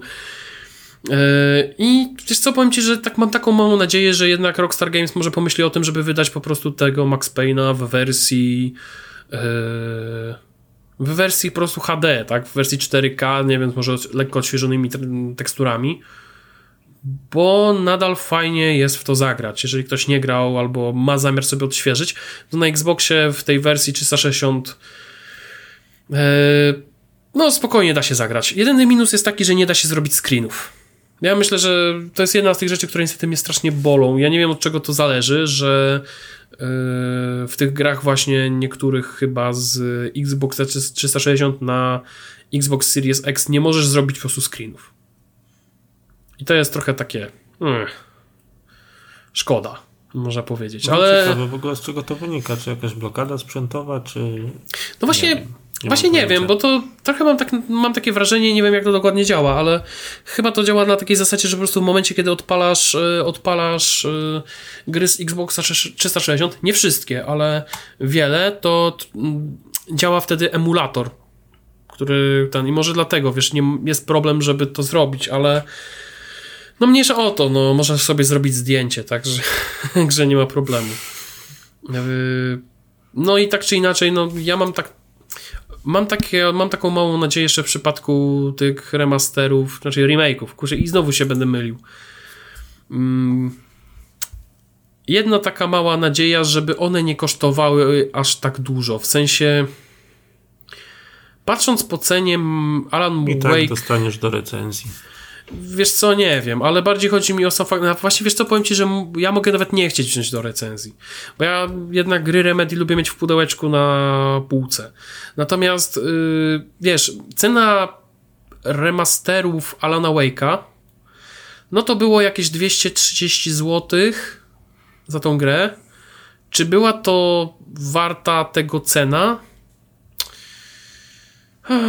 No nie wiem, nie wiem, nie wiem. Tak trudno jest mi powiedzieć. Ja kupiłem to dlatego, że jestem wielkim fanem, natomiast przyznam się szczerze, mm, gdybym powiedzmy już grał w, tą, w tę grę tak naprawdę kilkanaście razy i miałbym ją na PC przeoraną y, do góry dnem, wręcz bym powiedział, to powiem ci szczerze, że nie wiem, zastanowiłbym się z trzy razy, czy w ogóle bym ją kupił za taką cenę. Natomiast, Jeszcze y, jedna, no, jeszcze jedna rzecz mi przyszła do głowy a propos tego, co rozmawialiśmy i Maxa Payne'a właśnie i Mafii. Miało być ogólnie coś takiego w remake'u Mafii, że na najwyższym poziomie trudności tam można było sobie suwaczkami poustawiać, czy w opcjach pozmieniać, żeby to doświadczenie w remake'u było takie same jak w tej oryginalnej Mafii z 2001 bodajże. mhm. I myślę, że Rockstar mógłby coś podobnego zrobić e, właśnie w Max Payne, żeby tam koło wyboru broni było wyłączone, żeby ten system działał tak jak w tej poprzedniej wersji, mhm. tylko z nową grafiką i mechaniką. Tyle tylko, że problem jest taki, że w remake'u Mafii, kurczę, niby tak miało być, niby są te opcje, ale nawet na tym najwyższym poziomie trudności, jak się włączy to wszystko, co niby miało symulować to doświadczenie z jedynki, to i tak jest e, może nie łatwo, ale no to i tak nie jest to, co było wcześniej, bo na przykład jest tylko jeden pasek zdrowia dla głównego bohatera, tak? A w oryginale mieliśmy pasek zdrowia każdej postaci, która brała udział w misji. Mhm. No i jeśli Rockstar ogarnie to dobrze, no to może być naprawdę coś ciekawego, coś fajnego. Niech nie bierze przykładu z twórców Mafii i remake'u w tym aspekcie. Znaczy, wiesz co, tutaj jedna rzecz, która, mm, która myślę, że tutaj chyba odegra największą rolę, bo to jest e, bo to wiesz, o, jeżeli chodzi o to rozłożenie chociażby painkillerów, jeżeli chodzi o system zdobywania tego bullet time'u, nie? Przełożenia obrażeń, to ja myślę, że to, to, to sobie jakoś tam ogarną bez problemów. Natomiast bardziej na no przykład. Na luzie, bo to dużo nie kosztuje, ale robić tak jakby dwie różne wersje, no to już mhm. może być trochę problem. Natomiast wiesz co, bardziej, bardziej mnie zastanawia, czy na przykład y, jak to wszystko, jak na to wszystko wpłynie właśnie to, że oni będą chcieli robić yy, grę z, na nowym silniku, która będzie też musiała albo pójść w troszeczkę inny movement Maxa, czyli on nie będzie odwzorowany tak jak w Max Payne 1, że on tak naprawdę trochę tak stoi, wiesz, cały czas na sztorc i on tylko tak, wiesz, raz na jakiś czas skoczy tam w lewo, w prawo z tego bullet time'a i ten, ten, tylko oni będą musieli to troszeczkę nagiąć w, w stronę, w którą poszedł kontrol. Na tamta postać, ok, ona była troszeczkę też podobno sztywna, ok, ona tam mogła robić jakieś dodatkowe moce, ale to nie o to chodzi. Yy tylko będą musieli właśnie to zrobić w ten sposób, żeby z jednej strony nie przegiąć właśnie tak, żeby ta gra nie była za ciężka, chociaż ja myślę, że jakby zrobili coś podobnego na zasadzie e, tego, co było w Max Payne 3, to przyznam się szczerze, że nawet by mnie to nie bolało, a nawet bym się jeszcze mocniej zajarał, bo strasznie mi się to podobało. Jakbym teraz tak usiadł i zagrał po trójce, zagrał w jedynkę, to pewnie bym był e, miałbym problem po prostu, żeby się w to wstrzelić. Natomiast no tutaj to jest, to jest takich kilka, jest takich kilka wyzwań, które stoją przed Remedy w tym momencie, czyli jak zrobić tak, aby tego nie, prze, nie przegiąć. Tylko, że teraz tak się też zastanawiam, czy w, czy takie rzeczy po prostu, wiesz, są w stanie, nie wiem, powiedzieć, o Jezu, to w tym momencie Max Payne to już nie ma sensu. Bo wiesz, no co oni mogą tutaj zrobić troszeczkę inaczej? No co? Jeżeli ktoś będzie robił dymy ze względu na to, że nie ma twarzy Samalejka w grze, no to po prostu co zrobią? To zrobią skórkę. Albo po prostu wprowadzą tryb y, Old Max Payne, gdzie wszyscy, wszyscy bohaterowie będą właśnie w ten sposób wyglądali. I to nie jest żaden problem.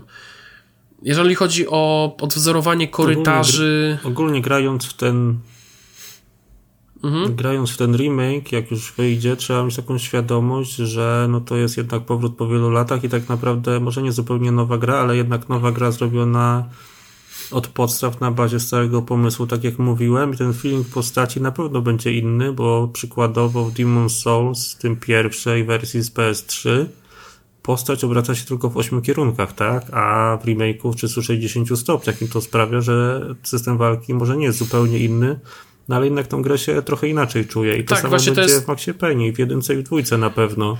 I to jest właśnie to, o czym też mówiłem właśnie w kontekście tego, że teraz na przykład granie w te gry na yy, w te takie właśnie emulowane wersje z PlayStation 2 czy ten, to jest po prostu ból, bo no, te gry są po prostu trudne do ogrania. Na PC-tach jest troszeczkę inaczej, dlatego że na PC-tach gramy głównie za pomocą klawiatury i myszki, to się nie zmienia od lat. Natomiast precyzyjność no, kontrolerów. Ja nie, ale okej. Okay co? Jeszcze raz? No ja gram na padzie tylko praktycznie. nie, ale nie, nie chodzi mi o to. Chodzi mi o sam fakt tego, że wiesz, jeżeli ktoś na przykład grał w Max Payne'a na klawiaturze i myszce, no to to, co się zmienia właściwie, to się zmienia tak naprawdę ewentualnie szybkość inputów, Yy, czy coś w tym stylu, no tak? To, no, tak, to, to, tak. to, to, wiesz, to może, to może, wiesz, to, to może robić jakąś zmianę, że powiedzmy, nie wiem, tych dwóch czy tam trzech tapnięć w W to ci nie wyłapie yy, silnik gry, ale mniej więcej to się nie zmienia jakoś mocno, nie? Jakoś tak drastycznie. Natomiast w przypadku kontrolerów, no, skok od czasów powiedzmy PSX-a do DualSense'a, teraz aktualnie jak mamy, czyli od pierwszego DualShocka do aktualnie DualSense'a, to to jest po prostu kosmos. Ja nadal pamiętam to, że przyznam się zupełnie szczerze, w strzelanki z czasów PlayStation 3 nie dało mi się grać. Nie szło mi grać po prostu, bo ten kontroler był nieprecyzyjny. Natomiast już jak weszło PS4, to już mi się grać, grać grało lepiej. I okej, okay, jasne, to też chodziło o to, że w grze było więcej takich wspomagaczy typu, wiesz, jakiś taki troszeczkę lżejszy auto, aim, czy coś w tym stylu. Natomiast mimo wszystko kontroler też był o wiele bardziej precyzyjny e, niż to, co właśnie mówisz, tak, że, ten, że tutaj w 8, 8 kierunkach było, tutaj jest 360 stopni, to są zupełnie inne czasy, więc granie w te gry dzisiaj, przynajmniej na konsolach, to jest wyzwanie. Można grać, na przykład ja myślę, że wiesz, lepiej byłoby zagrać na przykład takiego Max Payne'a na PlayStation 2 z padem od PlayStation 2, bo jesteś w stanie, wiesz, nawet monitor CRT sobie wyciągnąć i tak, to będzie o wiele lepsze i na pewno bardziej yy, klimatyczne doznanie niż jakbyśmy yy, jakbyśmy, nie wiem, odpalili właśnie, nie wiem, tego Maxa Payne'a, nie wiem, jakby on był w erze PSX i byśmy odpalili go na PS5 Ktoś będzie, ej, ty kurczę, coś tutaj nie gra, coś, coś tutaj. Albo jest na przykład za duża, za duża ta, jak to się nazywa, y, wrażliwość kontrolera, tak. Albo na przykład na triggerach, jakbyśmy nacisnęli, no to to czucie triggerów jest troszeczkę inne, tak? Pamiętajmy, że wcześniej nie było czegoś takiego jak triggery, tylko po prostu były przyciski. No to jest dużo, dużo zmiennych. To nie jest takie łatwe. To było głównie zero-jedynkowe i niestety, niestety dzisiaj yy, lepiej jest właśnie stworzyć remake i to jest troszeczkę tak trochę kam kamyczek kamyczek do ogródka tego tekstu Kotaku, który dzisiaj przeczytałem, że czy w ogóle powinniśmy takie remake'i dostawać. Y, ja uważam, że tak jak najbardziej i to jeszcze jak, bo niestety niektórym grom by się takie nowe życie przydało. Yy, zwłaszcza graczom, którym byśmy chcieli pokazać, w co się kiedyś grało i co jarało innych. I no najzwyczajniej w świecie. Po prostu dzisiaj też w niektórych przypadkach nie mamy możliwości zagrania w te gry tak, jak kiedyś się grało. Mm, mało jest takich miejsc, w których na przykład możesz... kiedyś się grało, mhm. to jeszcze mi się przypomina taka sytuacja, ale to też lata temu, 2001 rok i Return to Cas Wolfenstein i gra, w którą grałem, uwaga, bo zwykle się mówi tak, że albo klawiatura i myszka, albo napadzie, tak? A to była gra, w którą grałem mhm. wyłącznie na klawiaturze. O, widzisz. Ale widzisz. To w ogóle jest jakiś hardcore. Dzisiaj jak sobie spojrzymy na to, że wsadem się sterowało, kontrolem się strzelało, spacja to był skok, a page down i page up to było kamera góra-dół. Praktycznie nie wiem, jak tutaj rozwiązano. Nie pamiętam już, bo jakoś na boki też trzeba było patrzeć, ale kompletnie nie mam pomysłu. Ale powiem ci, że to jest, to jest, wiesz co, to jest, yy, to powiem ci, że to jest ten sam case, jaki ja mam w przypadku gier wyścigowych, bo kiedyś na przykład w gry wyścigowe grałem głównie na klawiaturze i nie miałem z tym żadnego problemu, ale dzisiaj no ja ile lat przecież FIFA na klawiaturze grałem, ale to właśnie tak jak mówiłem, to były te czasy, kiedy postać w 8 kierunkach tylko, a nie w 360 stopniach. No tak, no w PESA, w PESA też grałem, w PESA też grałem na, na tym, na klawiaturze. I to też, też pamiętam, że, że to też były fajne czasy, ale wiesz, to, jest, to tylko pokazuje, wiesz, że mm, niestety tym nowym, tym takim starym tytułom czasami, nie w każdym przypadku, bo oczywiście jest też tak jak emulacja i ta emulacja oczywiście też jest w stanie zapewnić pewne doznania, tak, tylko że bierzemy pod uwagę jeden scenariusz w przypadku emulacji, jeżeli na przykład ktoś legalnie udostępni ci tą grę, tak? Czyli powiedzmy, twórcy gry udostępniają legalnie dany ROM czy coś, tak? Pamiętajmy, że też tam do niektórych, do niektórych y, programów, które emulują, powiedzmy, PlayStation 2, potrzebujesz mieć legalnego BIOSa, tak? Legalny numer BIOSa z twojej konsoli. Więc jasne, oczywiście, ja też jestem tego zdania, że emulacja to jest. Na przykład, wiesz, to jest tak, jak to przechodzimy znowu płynnie w jakiś inny temat, ale już też będziemy powoli zbierzać do końca. E, tak jak wchodzi ta nowa usługa PlayStation Plus, no i tam Sony mówi o tym, że emulacja mm, gier z poziomu PlayStation 3 jest dość trudna i oni to jeszcze tam będą próbowali mm, rozgryźć, dlatego że jakieś tam patenty mówią o tym, że oni cały czas coś tam kombinują, żeby ta emulacja szła sprawnie, yy, dlatego że infrastruktura PlayStation 3 była po prostu strasznie, strasznie, no, pod wieloma względami po prostu trudna do okiełznania. to tylko też pokazuje, jak bardzo trefnym sprzętem było PlayStation 3.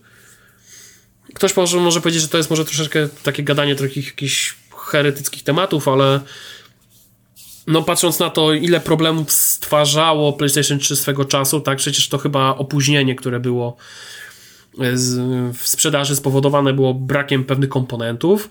Yy, I tutaj jeszcze, potem jeszcze dochodzi ten fakt, że tak naprawdę, żeby emulować gry z PlayStation 3, to nie jest tak łatwo po prostu przerzucić z punktu A do punktu B, tylko po prostu tu trzeba wyższych, zaawansowanych chocków, klocków, których nawet PS5 nie jest w stanie ogarnąć. Ale PS5 w stanie jest ogarnąć emulację z, P z PlayStation 1, z PlayStation 2 i z PlayStation 4. Więc to jest, no, to jest, to jest, to jest bardzo coś, ciekawy coś przypadek. Coś ewidentnie poszło nie tak. Tak, coś ewidentnie poszło tak. nie tak w temacie PlayStation 3 po prostu. Yy, zresztą też pamiętam bardzo, bardzo długo, yy, ile czasu zajęło tak naprawdę to, aby dopracować emulatory, tak? I ogólnie, żeby wyszedł taki sprzęt, który jest w stanie wytworzyć mm, wytworzyć moc, która pozwoli na emulowanie gier z PlayStation 3. I to nie było też takie bardzo łatwe. Natomiast yy, no to jest, to jest właśnie ten taki problem, że wiesz, yy, jakby to powiedzieć, no mam taką nadzieję, że ostatecznie to te, ta emulacja z PlayStation 3 też się pojawi. Yy, jestem ciekawy tego nowego PlayStation Plusa. Nawet bardzo. Zresztą ja nawet powiedziałem, że tak właściwie to mam taki niecny plan odpuścić sobie kupowanie games tego Xbox Game Passa albo kupować go tylko i wyłącznie jak się pojawi jakaś duża premiera. Yy... Bo ty i tak pisałeś na Twitterze z tego co pamiętam, że kupujesz, a potem prawie nie korzystasz. No właśnie, bo tak właśnie, wiesz co, to wyszło takie coś bardzo dziwnego, bo na przykład wyszło wyszło kilka gier, które mógłbym zagrać, na przykład Guardians of the Galaxy, o którym kiedyś wspominałem. I powiem ci, że jakoś tak pograłem chwilę i wyłączyłem. Natomiast no, nie będę ukrywał, akurat PlayStation 5 jest tą konsolą, z którą najwięcej czasu spędzam i, i tak tego PlayStation Plusa kupuję, więc właściwie dokupię te kilka e, tą, tą, tą usługę dodatkową, będę miał tą całą bibliotekę gier. Jak z nich skorzystam, to skorzystam, jak nie, to nie. Chociaż przyznam się szczerze, że jestem bardzo ciekawy, bo to jest całkiem spora liczba tytułów, tam chyba było ponad 600 łącznie jeżeli Ponad dobrze pamiętam. 400 czy coś takiego. Czy tam, znaczy tam było chyba, że łącznie 600, ale 400 tam chyba było z tych, tych, tych, mhm, tych tak, tak, tak. z PSX i z PS2 i powiem Ci, że no jestem ciekawy, jakie tytuły wybiorą. Bo to jest dużo gier. To jest, y, jeżeli nawet mielibyśmy wybierać klas... no oczywiście wszystko zależy też od licencji, tak? Y, można byłoby tutaj zrobić taką małą listę życzeń, co byśmy chcieli zobaczyć. Y, ale na przykład ta, jeżeli dobrze ktoś pamięta, na przykład ta mała gierka, taka co była wydawana, mm, ta mała konsolka PlayStation y, One Classic, to ten zestaw gier tam, który się mhm. znajdował, był taki, no, dyskusyjny, no, w najlepszym wypadku. No ale tam było chyba łącznie ile? 20 gier? Tam nie było z czego wybierać właściwie. Ja tak sobie myślę, że jeśli chodzi o tego PS Plusa i te gry, no to wiadomo, że z grubsza się będzie powtarzać to, co jest w Game Passie, ale myślę, że Sony no tymi eksami to trudno to eksami nazwać, bo są też przecież na PC i pojawiają się kolejne gry z PlayStation 4 i z PlayStation 5, ale taką przewagę Sony może zyskać, jeśli uda mu się wrzucić gry Ubisoftu, której w Game Passie nie ma. No właśnie, i tutaj też trzeba mieć cały czas z tyłu głowy to, że cały czas tutaj jakieś plotki pojawiają na temat tego, że jakieś duże przejęcie może się powiedzieć. Nie, nie mówię o tym, że PlayStation, przejmie, że Sony przejmie Ubisoft, bo to nie jest, to, to nie jest możliwe nie, raczej. Nie, nie, nie. Chociaż nie, dobra, przepraszam bardzo. Tak samo mówiono o Activision Blizzard. Y, chociaż też ostatnio czytałem, że podobno. Hmm, że w Stanach się troszeczkę jednak na ten temat burzą i sprawdzają, czy to nie będzie faktycznie za grube przejęcie, jeśli chodzi o Microsoft. I może się jeszcze okazać, że to przejęcie, że to przejęcie Activision Blizzarda wcale może nie dojść do skutku, chociaż wątpię, że to, że, że to się jakoś tam coś tam się podzieje, że jednak nie. Chociaż kto wie. Tego nie możemy przewidzieć. Można powiedzieć, że w tym roku rynek gier komputerowych ogólnie branża yy, wykonał takie fikołki, że ja już się wszystkiego spodziewam. Yy, spodziewam się nawet tego, że tak jak już na Prima Aprilis mówiliśmy, tam pisałem, że mógłbym napisać, że yy, Sony przejmuje Microsoft i ja myślę, że ktoś by to, w to uwierzył, nie? Bardziej niż w to, że Apple przejęło Rockstar Games. Ale yy, No tak czy inaczej... To było słabe. Znaczy, ale tak, ale ostatecznie też słyszałem, to też widać po współpracy, że Sony bardzo blisko współpracuje z Rockstar Games i przyznam się szczerze, że nie zdziwię się, jeżeli Grand Theft Auto 6 będzie Xem na PS5. Mówię bardzo odważną Jakimś tezę. czasowym mogłoby być. Nie, Bo- ja myślę, że jest to możliwe tam powiedzmy na rok czy coś takiego. Chociaż, chociaż żeby, żeby nie było, ja też podnoszę rękę i mówię, że ale jednak Rockstar Games poleciało w tak zwane kulki, bo niestety yy, z tego co pamiętam z przekazów na samym początku Grand Theft Auto 5 miało być chyba darmowym update'em. Coś może mi się pomyliło, ale pamiętam, że mówiono o update'cie do PS5 i też było tak piąte przez dziesiąte było mówione, że to może być darmowy update. I ostatecznie wyszło na to, że to jest darmowy update za 42 zł. Więc no...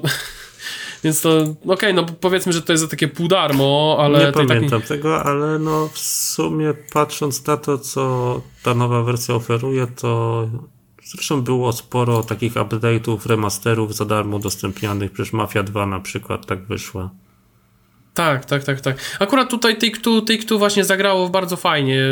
Właściwie to jest też tak pokazuje, że z jednej strony mamy to Take-Two, które daje ci Mafię 2, Mafię 3, tam coś tam, coś tam, nie, wiesz, że tam Mafię pierwszą tam za 75% mniej, a z drugiej strony masz to Take-Two, które wydaje po raz kolejny Grand Theft Auto 5 i cieszmy się w ogóle, że daje za 42 zł, a nie za pełną pulę, bo mogłoby dać. Eee, także przyznam się zupełnie szczerze, że jestem bardzo ciekawy tego, ile będzie kosztował, yy, ile będzie kosztował ten remake Max Payne'ów, bo z jednej strony to będzie Ja wydawał. obstawiam, że to będzie wydane w pakiecie jakimś jedynka i dwójka za właśnie premierową cenę 250. No też myślę, że to może być 250. Znaczy, Gdyby wiesz to był remaster, to może właśnie coś taniej by było, ale że to jest remake, to Albo ja się wiesz co, albo ja się obawiam jeszcze w tę innego. stronę pójdą. Właśnie ja się najbardziej obawiam jeszcze jednej rzeczy, bo może być też tak, że to jest To gra od Wiem, Rockstar dwa, Games. Dwa razy 250. Albo może to Tak. być 300. Czekaj, żeby było ciekawiej, żebyśmy też wiedzieli o czym mówimy. E, niedawno na Gram.pl pojawiła się recenzja WWE 2K22 i tak zerknąłem ile kosztuje to nowe WWE e, w, w, w, w, w, e, w normalnej cenie i się okazuje, że standardowa wersja tej gry kosztuje 330 zł. Ojej. Ojej. No.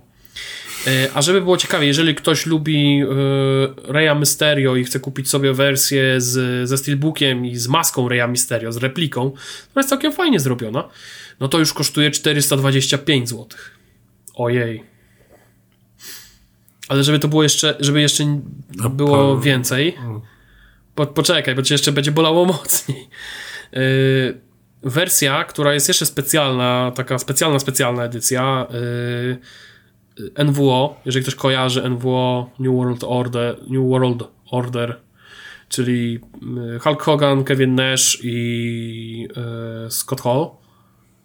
I to jest też taka specjalna edycja, właśnie taka stylizowana właśnie na tą, na tą legendarną, już można powiedzieć, stajnię w wrestlingu to to kosztowało 200, nie, fu, 525 zł. To 200, fu, 529 zł. I w tym roku nie ma żadnej edycji kolekcjonerskiej. To tak. Prawdziwego zdarzenia. To mi przypomniało, jak ostatnio zabłądziłem na PS Store i a szukałem dodatku do Valhalla, bo zamierzam przejść Valhalla, żeby przejść Ragnarok potem sobie. Bardziej mnie ten dodatek interesuje i strasznie boli mnie to, że to nie jest ogarnięte jak w Wiedźminie trzecim. Kiedy wyszły dodatki, to można było sobie posłać pod dodatek zrobić bez konieczności przechodzenia podstawki jeszcze raz. Ale co mnie zabolało, to to, że Valhalla w wersji Ultimate kosztuje 589 zł. Wow. No wow. Ale wiesz No co, to, właściwie o rany.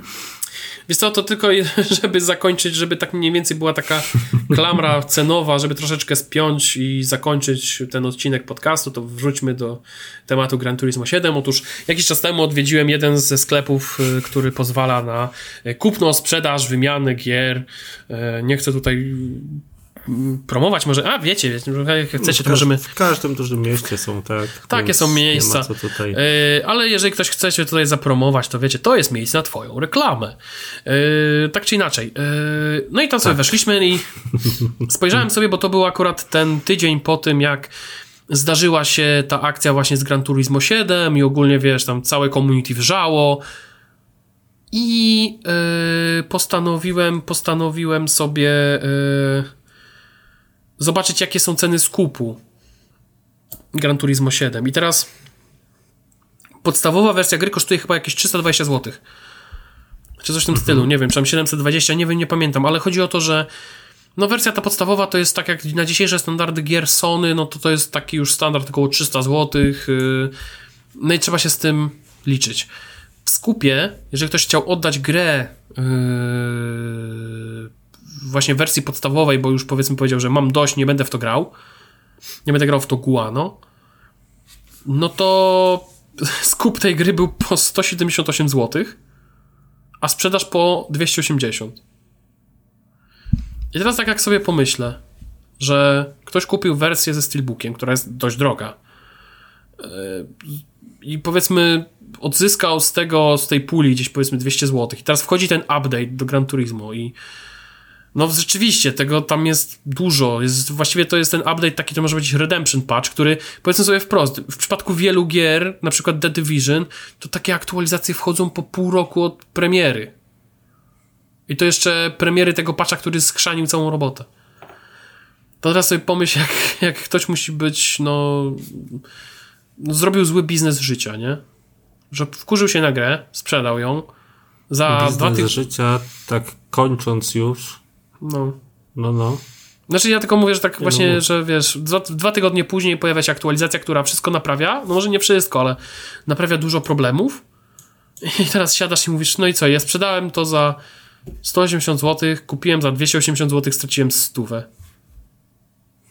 No tak trochę a, nie a wiem. jeszcze chciałbym pograć, to muszę znowu kupić za 280, więc interes żaden. Widziałem ostatnio promocję za 200 zł, więc może jakoś tam strata byłaby 120 zł ostatecznie.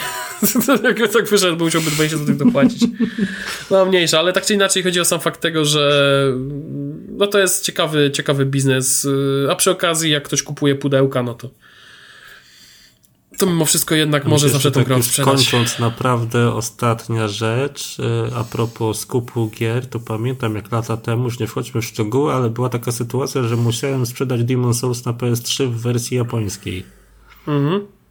I poszedłem do skupu z nadzieją, że dostanę za to jakąś kasę tam, może nie jakąś dużą, ale chociaż coś, nie? Mhm. A tam mi powiedzieli, że takich niszowych to nie biorą, bo nikt w to nie gra i tak dalej, a teraz te wersje chodzą, nie pamiętam, nie sprawdzałem dawno, ale Demon Souls na Allegro to po kilkaset złotych teraz chodzi. Yy, to jest to, to jest ten sam case jak w przypadku... Życia, że mnie z kwitkiem z kwitkiem odesłał. To jest, wiesz co, to jest tak samo jak jest case w przypadku e, Sekiro, że podobno Sekiro pudełkowe jest teraz ultra drogie, ja nie wiem z czego to wynika. E, Kurczę, mam. No, ale żeby, mam. ale żeby było jeszcze ciekawiej, to też taki jeden case, e, taki jeden case jednego, jednego z, ze znajomych, no, streamera, youtubera, kiedyś z nim rozmawiałem i powiedział, że on miał tyle gier do sprzedania, tak? Bo po prostu po, potrzebował zlikwidować całą, y, całą swoją biblioteczkę i powiedział, że to jest tak trudno spieniężyć gry. Tu nie chodzi nawet o sam fakt tego, że y, o dobrą cenę, bo to nie o to chodzi, tylko chodzi o samą, sam fakt tego, że musisz spieniężyć gry. I że to nie jest takie łatwe. Nawet jak masz jakieś edycje kolekcjonerskie, które są ultra wypasione, to też y, wszystko zależy od tego, czy to nie jest taka edycja, wiesz, w stylu na przykład yy, Cyberpunka, tak, że była ta figurka rozdawana na pierwszym evencie, nie? Która tam była, ona, ona wykonana była tak jak była, ale jednak swoje kosztowała.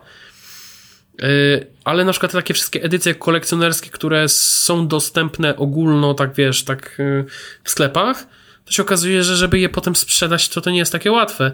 A jak y, chciałem kupić sobie y, edycję kolekcjonerską The Division, tą pierwszą z zegarkiem, to się okazuje, że znalazłem ją w Lombardzie za 60 zł. Ja nie wiem za ile on ją skupił, ale wiesz, kiedyś ta edycja kosztowała, no nie wiem, chyba tam z 450 zł. A tak ja wiesz, przychodzę, przychodzę do sklepu, ja głównie po ten zegarek chciałem, bo to, bo to to chodzi. Wiesz, gościu mówi 60 zł. To musi być naprawdę jakaś taka turbo, właśnie tak jak mówisz, nie? Edycja japońska. Edycja japońska z podpisem Miyazakiego. Edycja japońska z podpisem Miyazakiego, który podpisał się Mazakiem. to wtedy tak, to ma faktycznie ma taki duży sens. Natomiast yy, no niestety, to coraz, coraz bardziej Jak mi to... Pójdziesz, a ktoś ci powie, e, popisanych to nie bierzemy. A powiem ci, że jak kiedyś był na, yy, na tym, na yy, na Gicu w Poznaniu, był jeden z yy, twórców yy, tego pierwszego Niera, to aż trochę z, szkoda mi było, że nie wziąłem swojej automaty do podpisu. Bo, bo, bo, bo miałem pamiątkę fajną. Tak samo jakbym, nie wiem, miał pam pamiątkę na książce, wiesz, że mam, pod, mam podpis, powiedzmy, pana Andrzeja Sapkowskiego, tak, który też nie chciał dać więcej niż jednego podpisu. W innych przypadkach chciał też za nie chyba, żeby, żeby mu płacono. No ale to w sumie się nie dziwię. Najważniejsze to jest, żeby była płatność z góry. W każdym przypadku. Dobra, to takim optymistycznym, troszeczkę Bardzo. bogatym, bogatym e, akcentem kończymy dzisiejszy odcinek. Mieliśmy gadać krótko, gadaliśmy jak zwykle za długo. E, także tak, dziękujemy Wam wszystkim za słuchanie i do zobaczenia Dziękujemy i bardzo. usłyszenia za jakiś czas. Szybciej, później, kiedyś. No, na razie. Trzymajcie się.